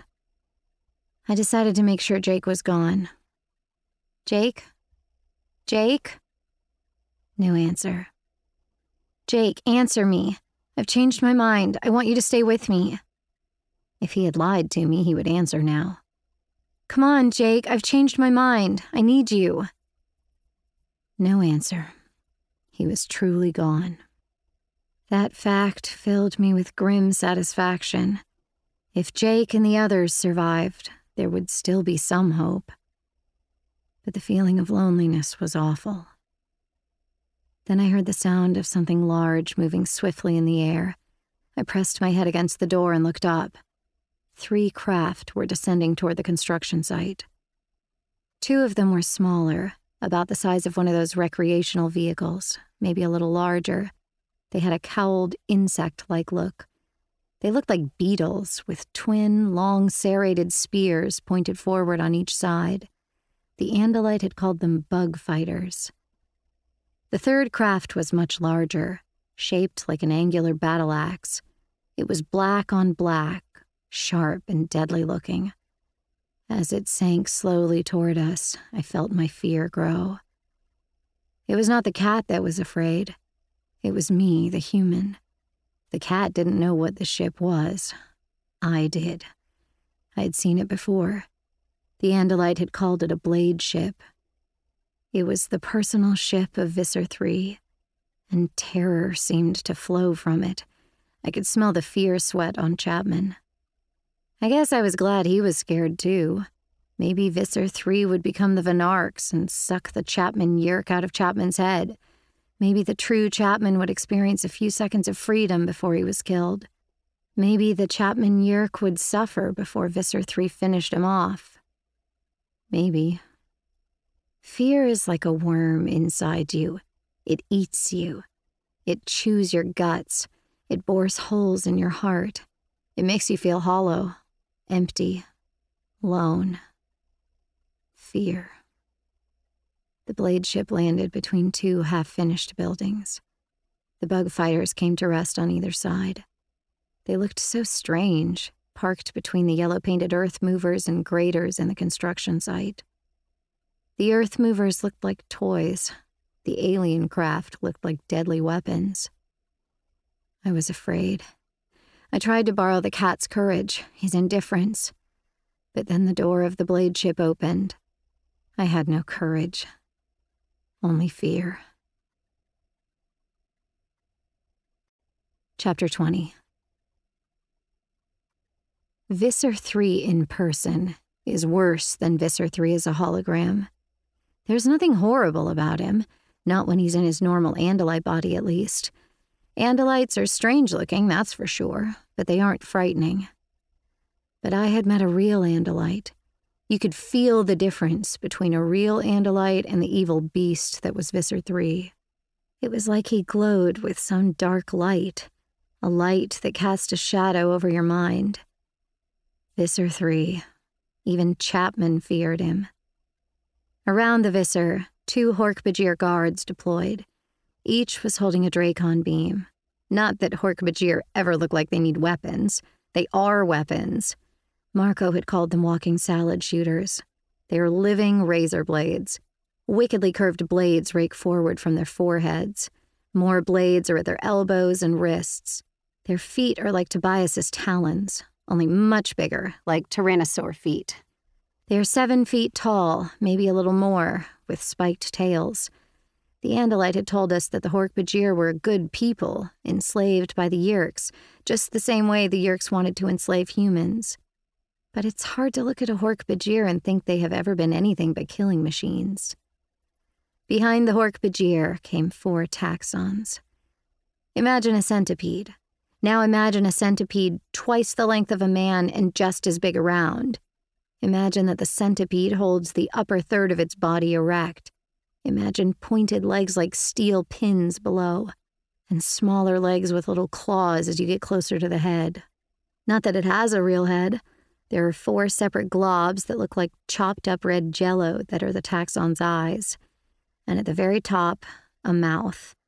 The mouth is perfectly round and lined with row after row of small, needle like teeth. The Andalite told us that the Taxxons are all voluntary hosts they are allies of the Yeerks. And yet, as horrible as the Hork-Bajir and the Taxxons were, it was Visser 3 who made your skin crawl. Without the hologram communicator, the Visser communicated in the usual Andalite fashion. He thought spoke, much like we all did when we were in Morph. That is the Andalite bandit? he asked Chapman.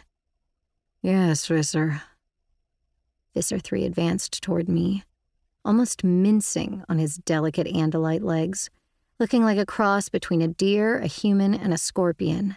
He aimed his main eyes at me. His stalk eyes scanned the area, always watchful. He brought his face close to the cage. I was staring right into his face. I could see the nose slits open and close as he breathed. I could see the large almond shaped eyes narrow as he peered inside to get a better look at me. He was only inches away. I should have tried to reach through the bars and at least bloody him a little. But the fear was all over me. I was sick with terror. I'm not ashamed to admit it. I couldn't stand his eyes watching me. I turned away, afraid to look. Not so brave now, my Andalite friend? Visser 3 asked. It was the first time any of us had ever been spoken to directly by the Visser. His voice was in my head, threatening and cruel and foul beyond description. It was a voice full of power and hate. When he called me an Andalite, I almost burst out. No, no, Visser, not an Andalite. A human, a human. It was like I could feel the terrible force of his will battering me. In an instant, I knew I would never survive his questioning. I would tell him everything. His power was a million times greater than mine. His will was a vast, huge, irresistible thing. And what was I? Just some foolish little girl. A foolish, lost girl. Lost. And yet, Even as I felt my own mind wither before the black terror of Visser 3, another mind came forward. I was not alone. There was another in my head with me, someone whose species memory had no images of Visser 3. Fluffer. Fluffer's mind contained fears, but they were different from my fears. Fluffer feared big predator birds. Fluffer feared loud, aggressive dogs. Fluffer feared dominant male cats. But Fluffer was not at all impressed by Visser 3. On the edge of absolute panic, I let the cat in my mind take over. I sank back, hiding behind the calm cat brain. Visser 3 took the cage from Chapman. He lifted it up so we could see inside better. And what did I do? What did Fluffer do? He stuck his little pink nose up against the bars and sniffed the air. Fluffer wanted to find out what this creature was, and that meant getting a good smell of him. This is similar to the orange and black creature that invaded the pool, Visser 3 said. It took me a second to track on this. Then I realized he meant Jake. Jake had been in his tiger morph when we battled in the Yeerk pool. Yes, Visser, Chapman said. They are a family of animals, felines. These are the smallest. I see you damaged my servant Iniss 226, Andalite, Visser 3 said to me. No one ever accused you Andalites of lacking courage. You are a race of fools, but brave. What was I supposed to say? Thank you? Why not answer me, Andalite? I know you hear my words. This charade is pointless. I know what you are. I said nothing. I tried to think nothing. I was afraid that if I said anything, he would instantly know I was not an Andalite. And if he realized I was human, the others would never be safe. I had to stay in this body. I had to die in this body and take my secret with me. Visser 3 put my cage back down. Now, where is the girl? I have promised her to Iniss 455. Iniss 455 is a spawn mate of yours, I believe. We will do the infestation aboard the mother ship, and I will have the girl returned tomorrow. Where is she? Visser, I. Chapman said. The mask of politeness dropped from Visser 3 in a microsecond. Even my cat eyes could barely follow his movements, they were so swift. Visser 3 grabbed Chapman around the neck. His Andalite tail arched forward. The dagger point of the tail was in Chapman's face. Do you defy me? It was like a hiss, the hiss of a snake. N- n- no, no, Visser. Chapman was trembling harshly. I would never defy you. It's only the host. Chapman, he and the woman rebelled. Aren't you able to control your host? Visser 3 sneered. Do you think the Andalite mind that still lives in this body never resists? Do you imagine that your human host is more powerful than my own Andalite host? This wasn't going very well for Chapman. Either the real human Chapman or the human controller that called itself Chapman. Visser, I. I only report the facts to you. M- my host is under control. But I am constantly in contact with humans. I occupy a responsible position in their society. I cannot have my host body causing me to twitch and shake. Humans see such things as signs of mental illness. I could lose my position, and I would no longer be of any use to you. You are barely of use to me now, Visser 3 sneered. Visser, my host begs leave to address you directly, Chapman said. Visser 3 hesitated. I saw his stalk eyes scan around, checking for any signs of threat. Instinctively, I looked around, too. I had no way of knowing how well Visser 3's borrowed Andalite eyes could see in the dark. But for me, the darkness was no barrier. I looked. I didn't even know what I was looking for but all I saw were the Hork-Bajir and the Taxxons, the Yeerk ships silent and dark, and the buildings and forlorn construction equipment of the site. Then I caught a glimpse of movement. It was in the woods that bordered the construction site. A swift side to side movement, just the sort of thing my cat eyes noticed best. But when I stared closer, I saw no further movement. Probably just another Hork-Bajir patrolling. I will allow the host to address me, Visser 3 said. I craned my head up as well as I could to watch. For a moment, nothing changed. Then suddenly Chapman sagged. It was like he was a marionette and someone had cut his strings. He collapsed straight down. His legs just twisted up under him. He tried to stand up, but it was as if he didn't know how to make his legs work. They would jerk and suddenly kick out, but he could not stand. Finally, he gave up. Fissure, he mumbled. Fissure free. Star. I. Sorry. Fisher. Visser. Visser 3.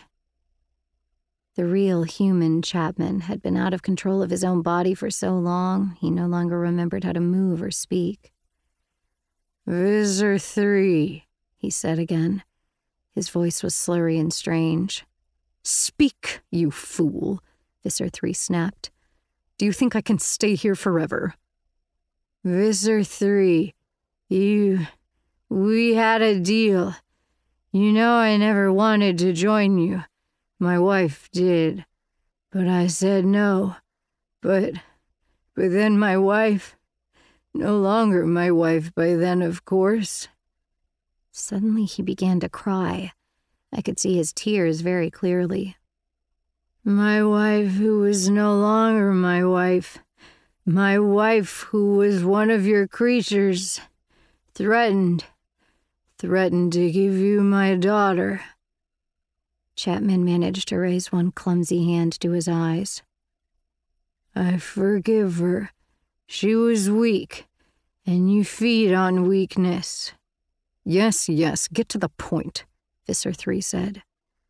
A Hork-Bajir moved closer. He muttered something to the Visser, then moved away.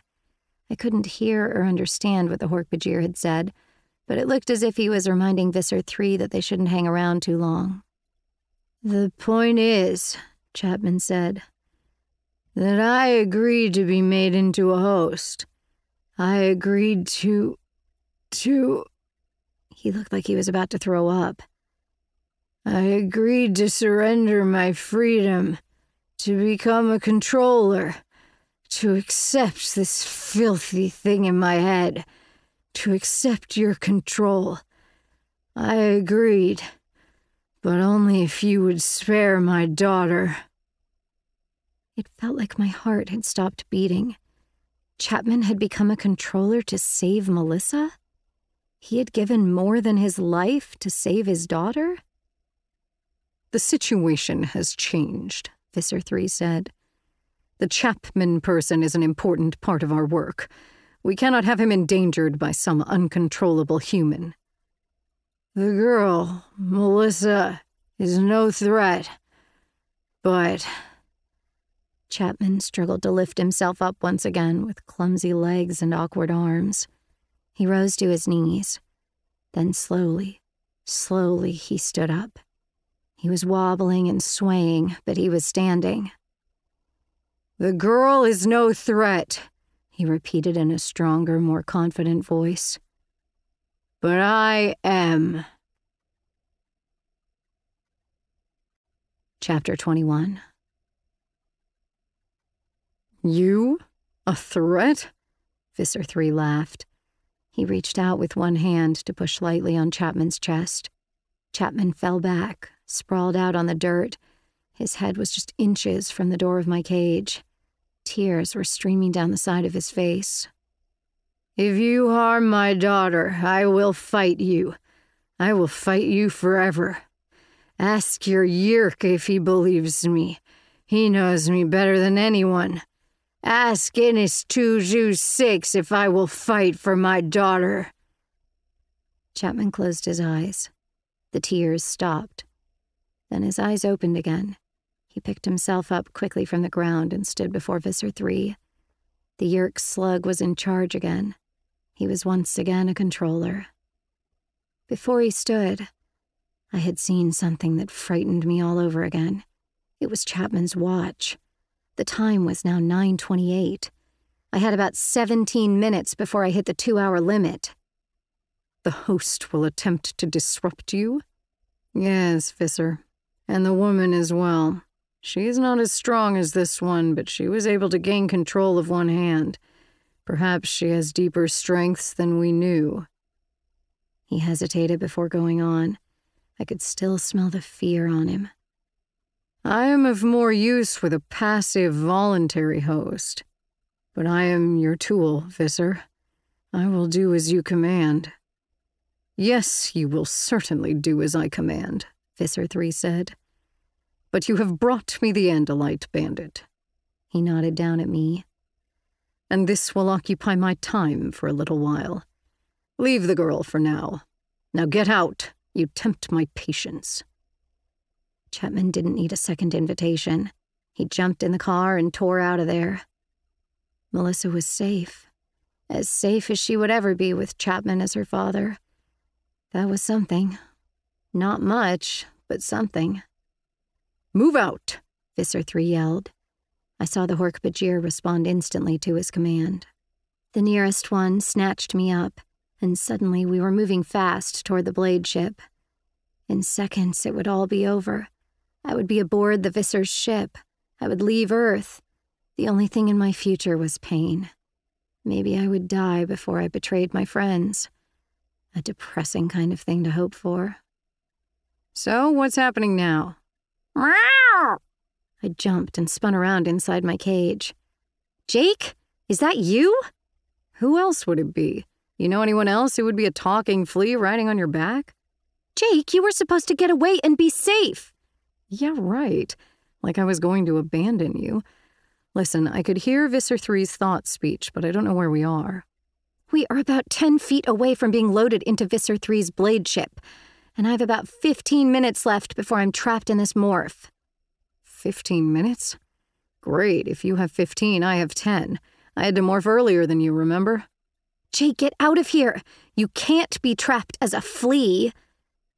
The door of the blade ship slid open silently. I could see dark red light inside. I could see a handful of Taxxons that seemed to be standing over control panels of some sort. Hork-Bajir stood at attention.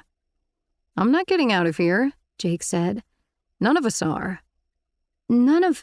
You mean the rest are fleas too? No, but they should be around somewhere. Tobias was supposed to follow us and lead the others to wherever we ended up. They can't do anything. Oh, really? Well, I bet they'll try. Just at that moment, I heard a strange sound. My cat brain didn't recognize it, but the human me did. It was an engine. A big engine, like a big truck, or maybe a tractor, or an earth mover. The Hork-Bajir carrying me saw it too. He ran into the blade ship and tossed me down. Then he ran back to the Visser, who waited in the doorway. I think they've started one of the Earth Movers, I told Jake. Then I guess it's time for me to get into this fight, Jake said. I'm going to try a quick double morph. Hope it works. Here goes nothing. Yeehaw! All at once, through the open door of the blade ship, I spotted the Earth Mover. It lumbered at a painfully slow speed, but it lumbered right toward the blade ship. Get us into the air! Visser 3 shouted. The nearest Taxxon said something in their slithery snake speech. It sounded like Shree sway snurp snurp shreet. Two minutes to lift off? Too long, Visser 3 said. His tail whipped forward. I saw a huge gash open in the flesh of the Taxxon. Greenish yellow goo poured out. The other Taxxons all looked kind of excited. They were waving their little upper arms and snapping their little claws. You and you. Visser 3 pointed at two of the Taxxons. Get us off the ground. The rest of you may feed on this fool. The wounded Taxxon emitted a wailing, slithery scream. Three other Taxxons rushed at him.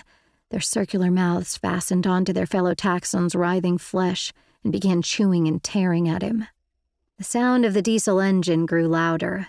Visser 3 was rapping out orders. Hork-Bajir ran through the door and back outside. Then I saw something happening in the dark corner of the cabin. over past the horrific Taxxon feeding frenzy. Something was growing. A human being was growing out of nothing. Jake!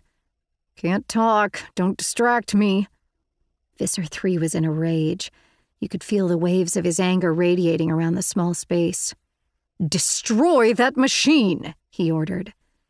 Outside, two Hork-Bajir took aim at the five tons of slow moving steel. Jake was still cowering in the corner, but he had begun to change once again. In the darkness, my cat eyes could see the beginning of a pattern of stripes black and orange, the stripes of a tiger. It was time for me to do my part.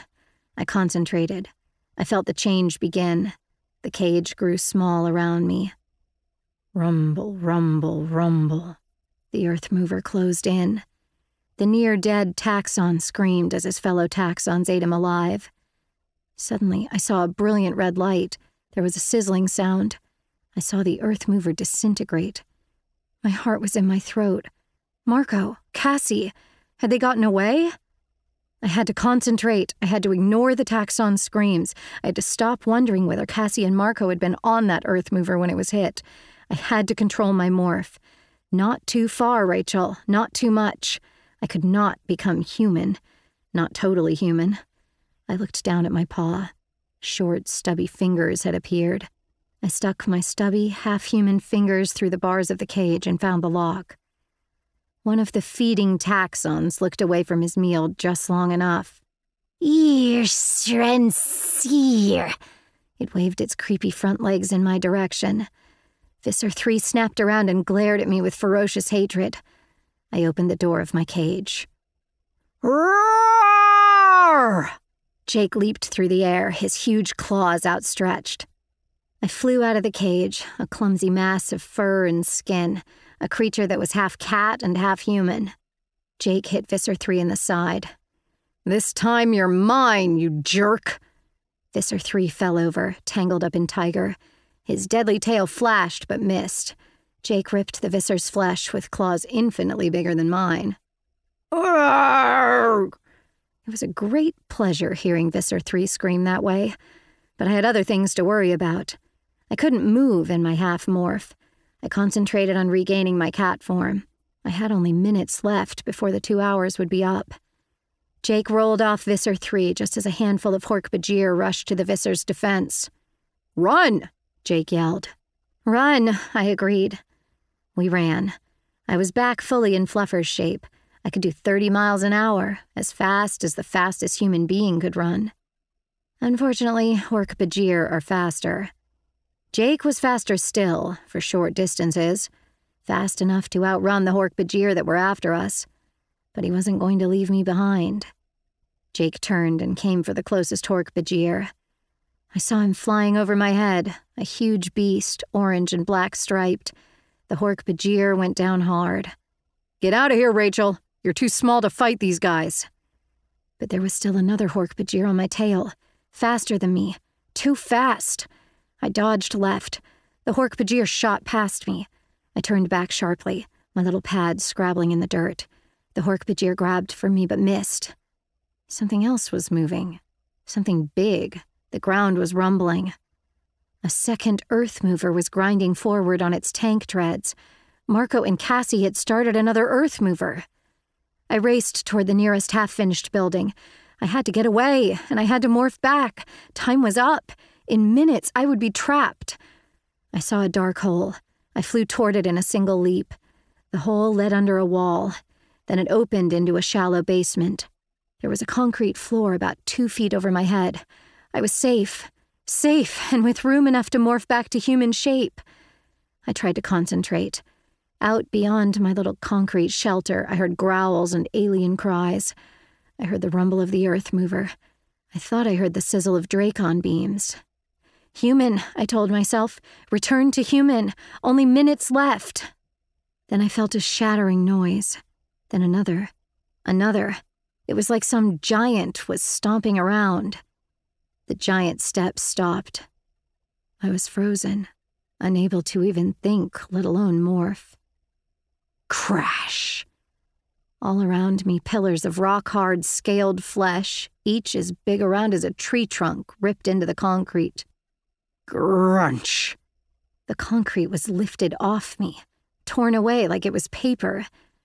I was exposed, trapped, and standing over me with the shattered concrete floor in its mighty hand was a beast that seemed to be made of living rock.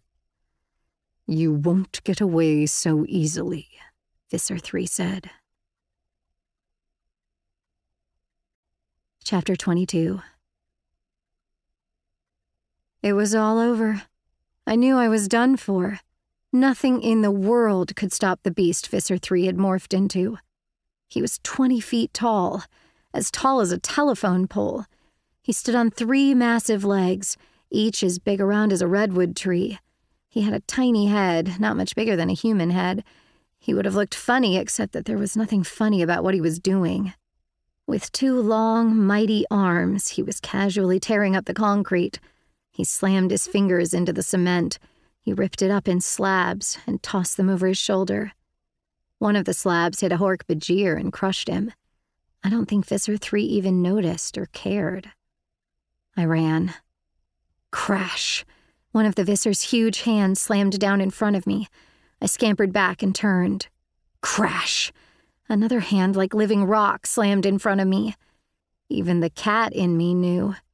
It was hopeless. Visser 3 glared down at me with tiny, bright eyes in that weirdly small head. He reached for me with both hands, cupped together, forming a wall around me. Crunch! Visser 3 hesitated.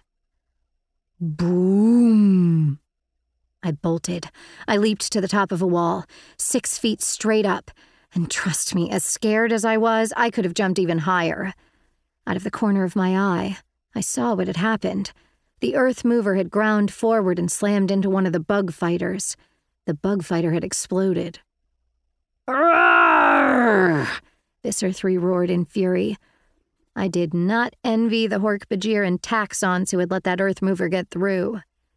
I ran along the top of the wall. It was cinder block, full of holes and only a few inches wide. It was a much tougher challenge than the balance beam in gymnastics but I was running as fast as a very scared kitty can run. I'll kill you all, fools, Visser 3 screamed. I hoped he would just forget about me. But then I heard the thunder of his walk. In two steps, he had caught up to me. His huge hand swept toward me. It was ten feet to the ground, and the ground was covered with rusted, twisted metal. I had no choice. I leaped. The sharp metal was rushing up at me. Visser Three's hand was sweeping toward me. Something sharp bit into my back. The ground was no longer rushing up at me. Instead, I was zooming through the air. Geez, Rachel, next time you want to morph into a kitty, pick one who doesn't eat so much. Tobias. I can get you as far as the trees, that's it, Tobias said. I have to morph back, I said. My time is up. We flew toward the trees. Tobias strained to keep us in the air. I knew he was at his limit of endurance. Drop me now! We were in the trees. Tobias dropped me. I fell through the air, but my tail pivoted and kept my balance perfect. A tree branch. Slam! My claws dug into the bark. I was already morphing back as I dropped to the ground and landed on soft pine needles. Through the trees, I could see the huge beast that was Visser 3 rampaging in a fury. The few Hork-Bajir that were left were tossed around like toys. Taxxons were crushed under his feet. I think he's mad we got away, Tobias said. Jake, the others? I demanded. Did they make it? They're fine. Jake had to morph back into human shape before going into the tiger morph, so he didn't have a problem with the time. Marco got his feathers a little singed, but he's okay. Cassie, too. I collapsed on the ground. I had escaped. I had survived. I knew I should have been glad, but all I felt was tired. Chapter 23 Melissa was at our next gymnastics class. She was still alive, still free. I acted nonchalant as I changed into my leotard and stretched out, but I did watch when she opened her locker and pulled out the envelope. She opened it and read the words I had put there. Melissa, your father loves you more than you will ever know, and more than he can ever show you. Signed, someone who knows. I'd printed it out on my computer, of course, so she wouldn't recognize my handwriting. Maybe it was just my imagination, but she seemed more into the practice that day. After my mom picked me up and drove me home, I hooked up with the others. We hadn't gotten together for a couple of days since the battle at the construction site. I guess I felt like I had some things to think about. How is Melissa? Cassie asked. I shrugged. I left her a note. I told them what it had said. I know it's bad for security, Jake. And Marco, I know it was sentimental. But I don't care. Chapman gave up everything to save his daughter from being made into a host. I had to do something. Jake nodded. It's okay. Maybe it will help. Cassie smiled at me, telling me she was proud of what I'd done. Marco rolled his eyes, but he didn't say anything. Well, we destroyed a Yeerk bug fighter, we made Visser 3 nervous, and. And we came out alive, Marco finished. Yeah, that too, Jake agreed with a grin. That's a very important thing to do. Next time, we'll. I began. Next time, Marco cried out in mock horror. There will be a next time, Tobias said. There will be a next time until the Andalites return. This is Emily Ellett. We hope that you have enjoyed this production of Animorphs Book 2, The Visitor, by K.A. Applegate. This program was produced at Mosaic Audio. Executive producer, Melissa R. Ellard. Print edition published by Scholastic Incorporated. Text copyright 1996 by Katherine Applegate. Production copyright 2020 by Scholastic Incorporated. Scholastic, Animorphs, and associated logos are trademarks and or registered trademarks of Scholastic Incorporated. All rights reserved.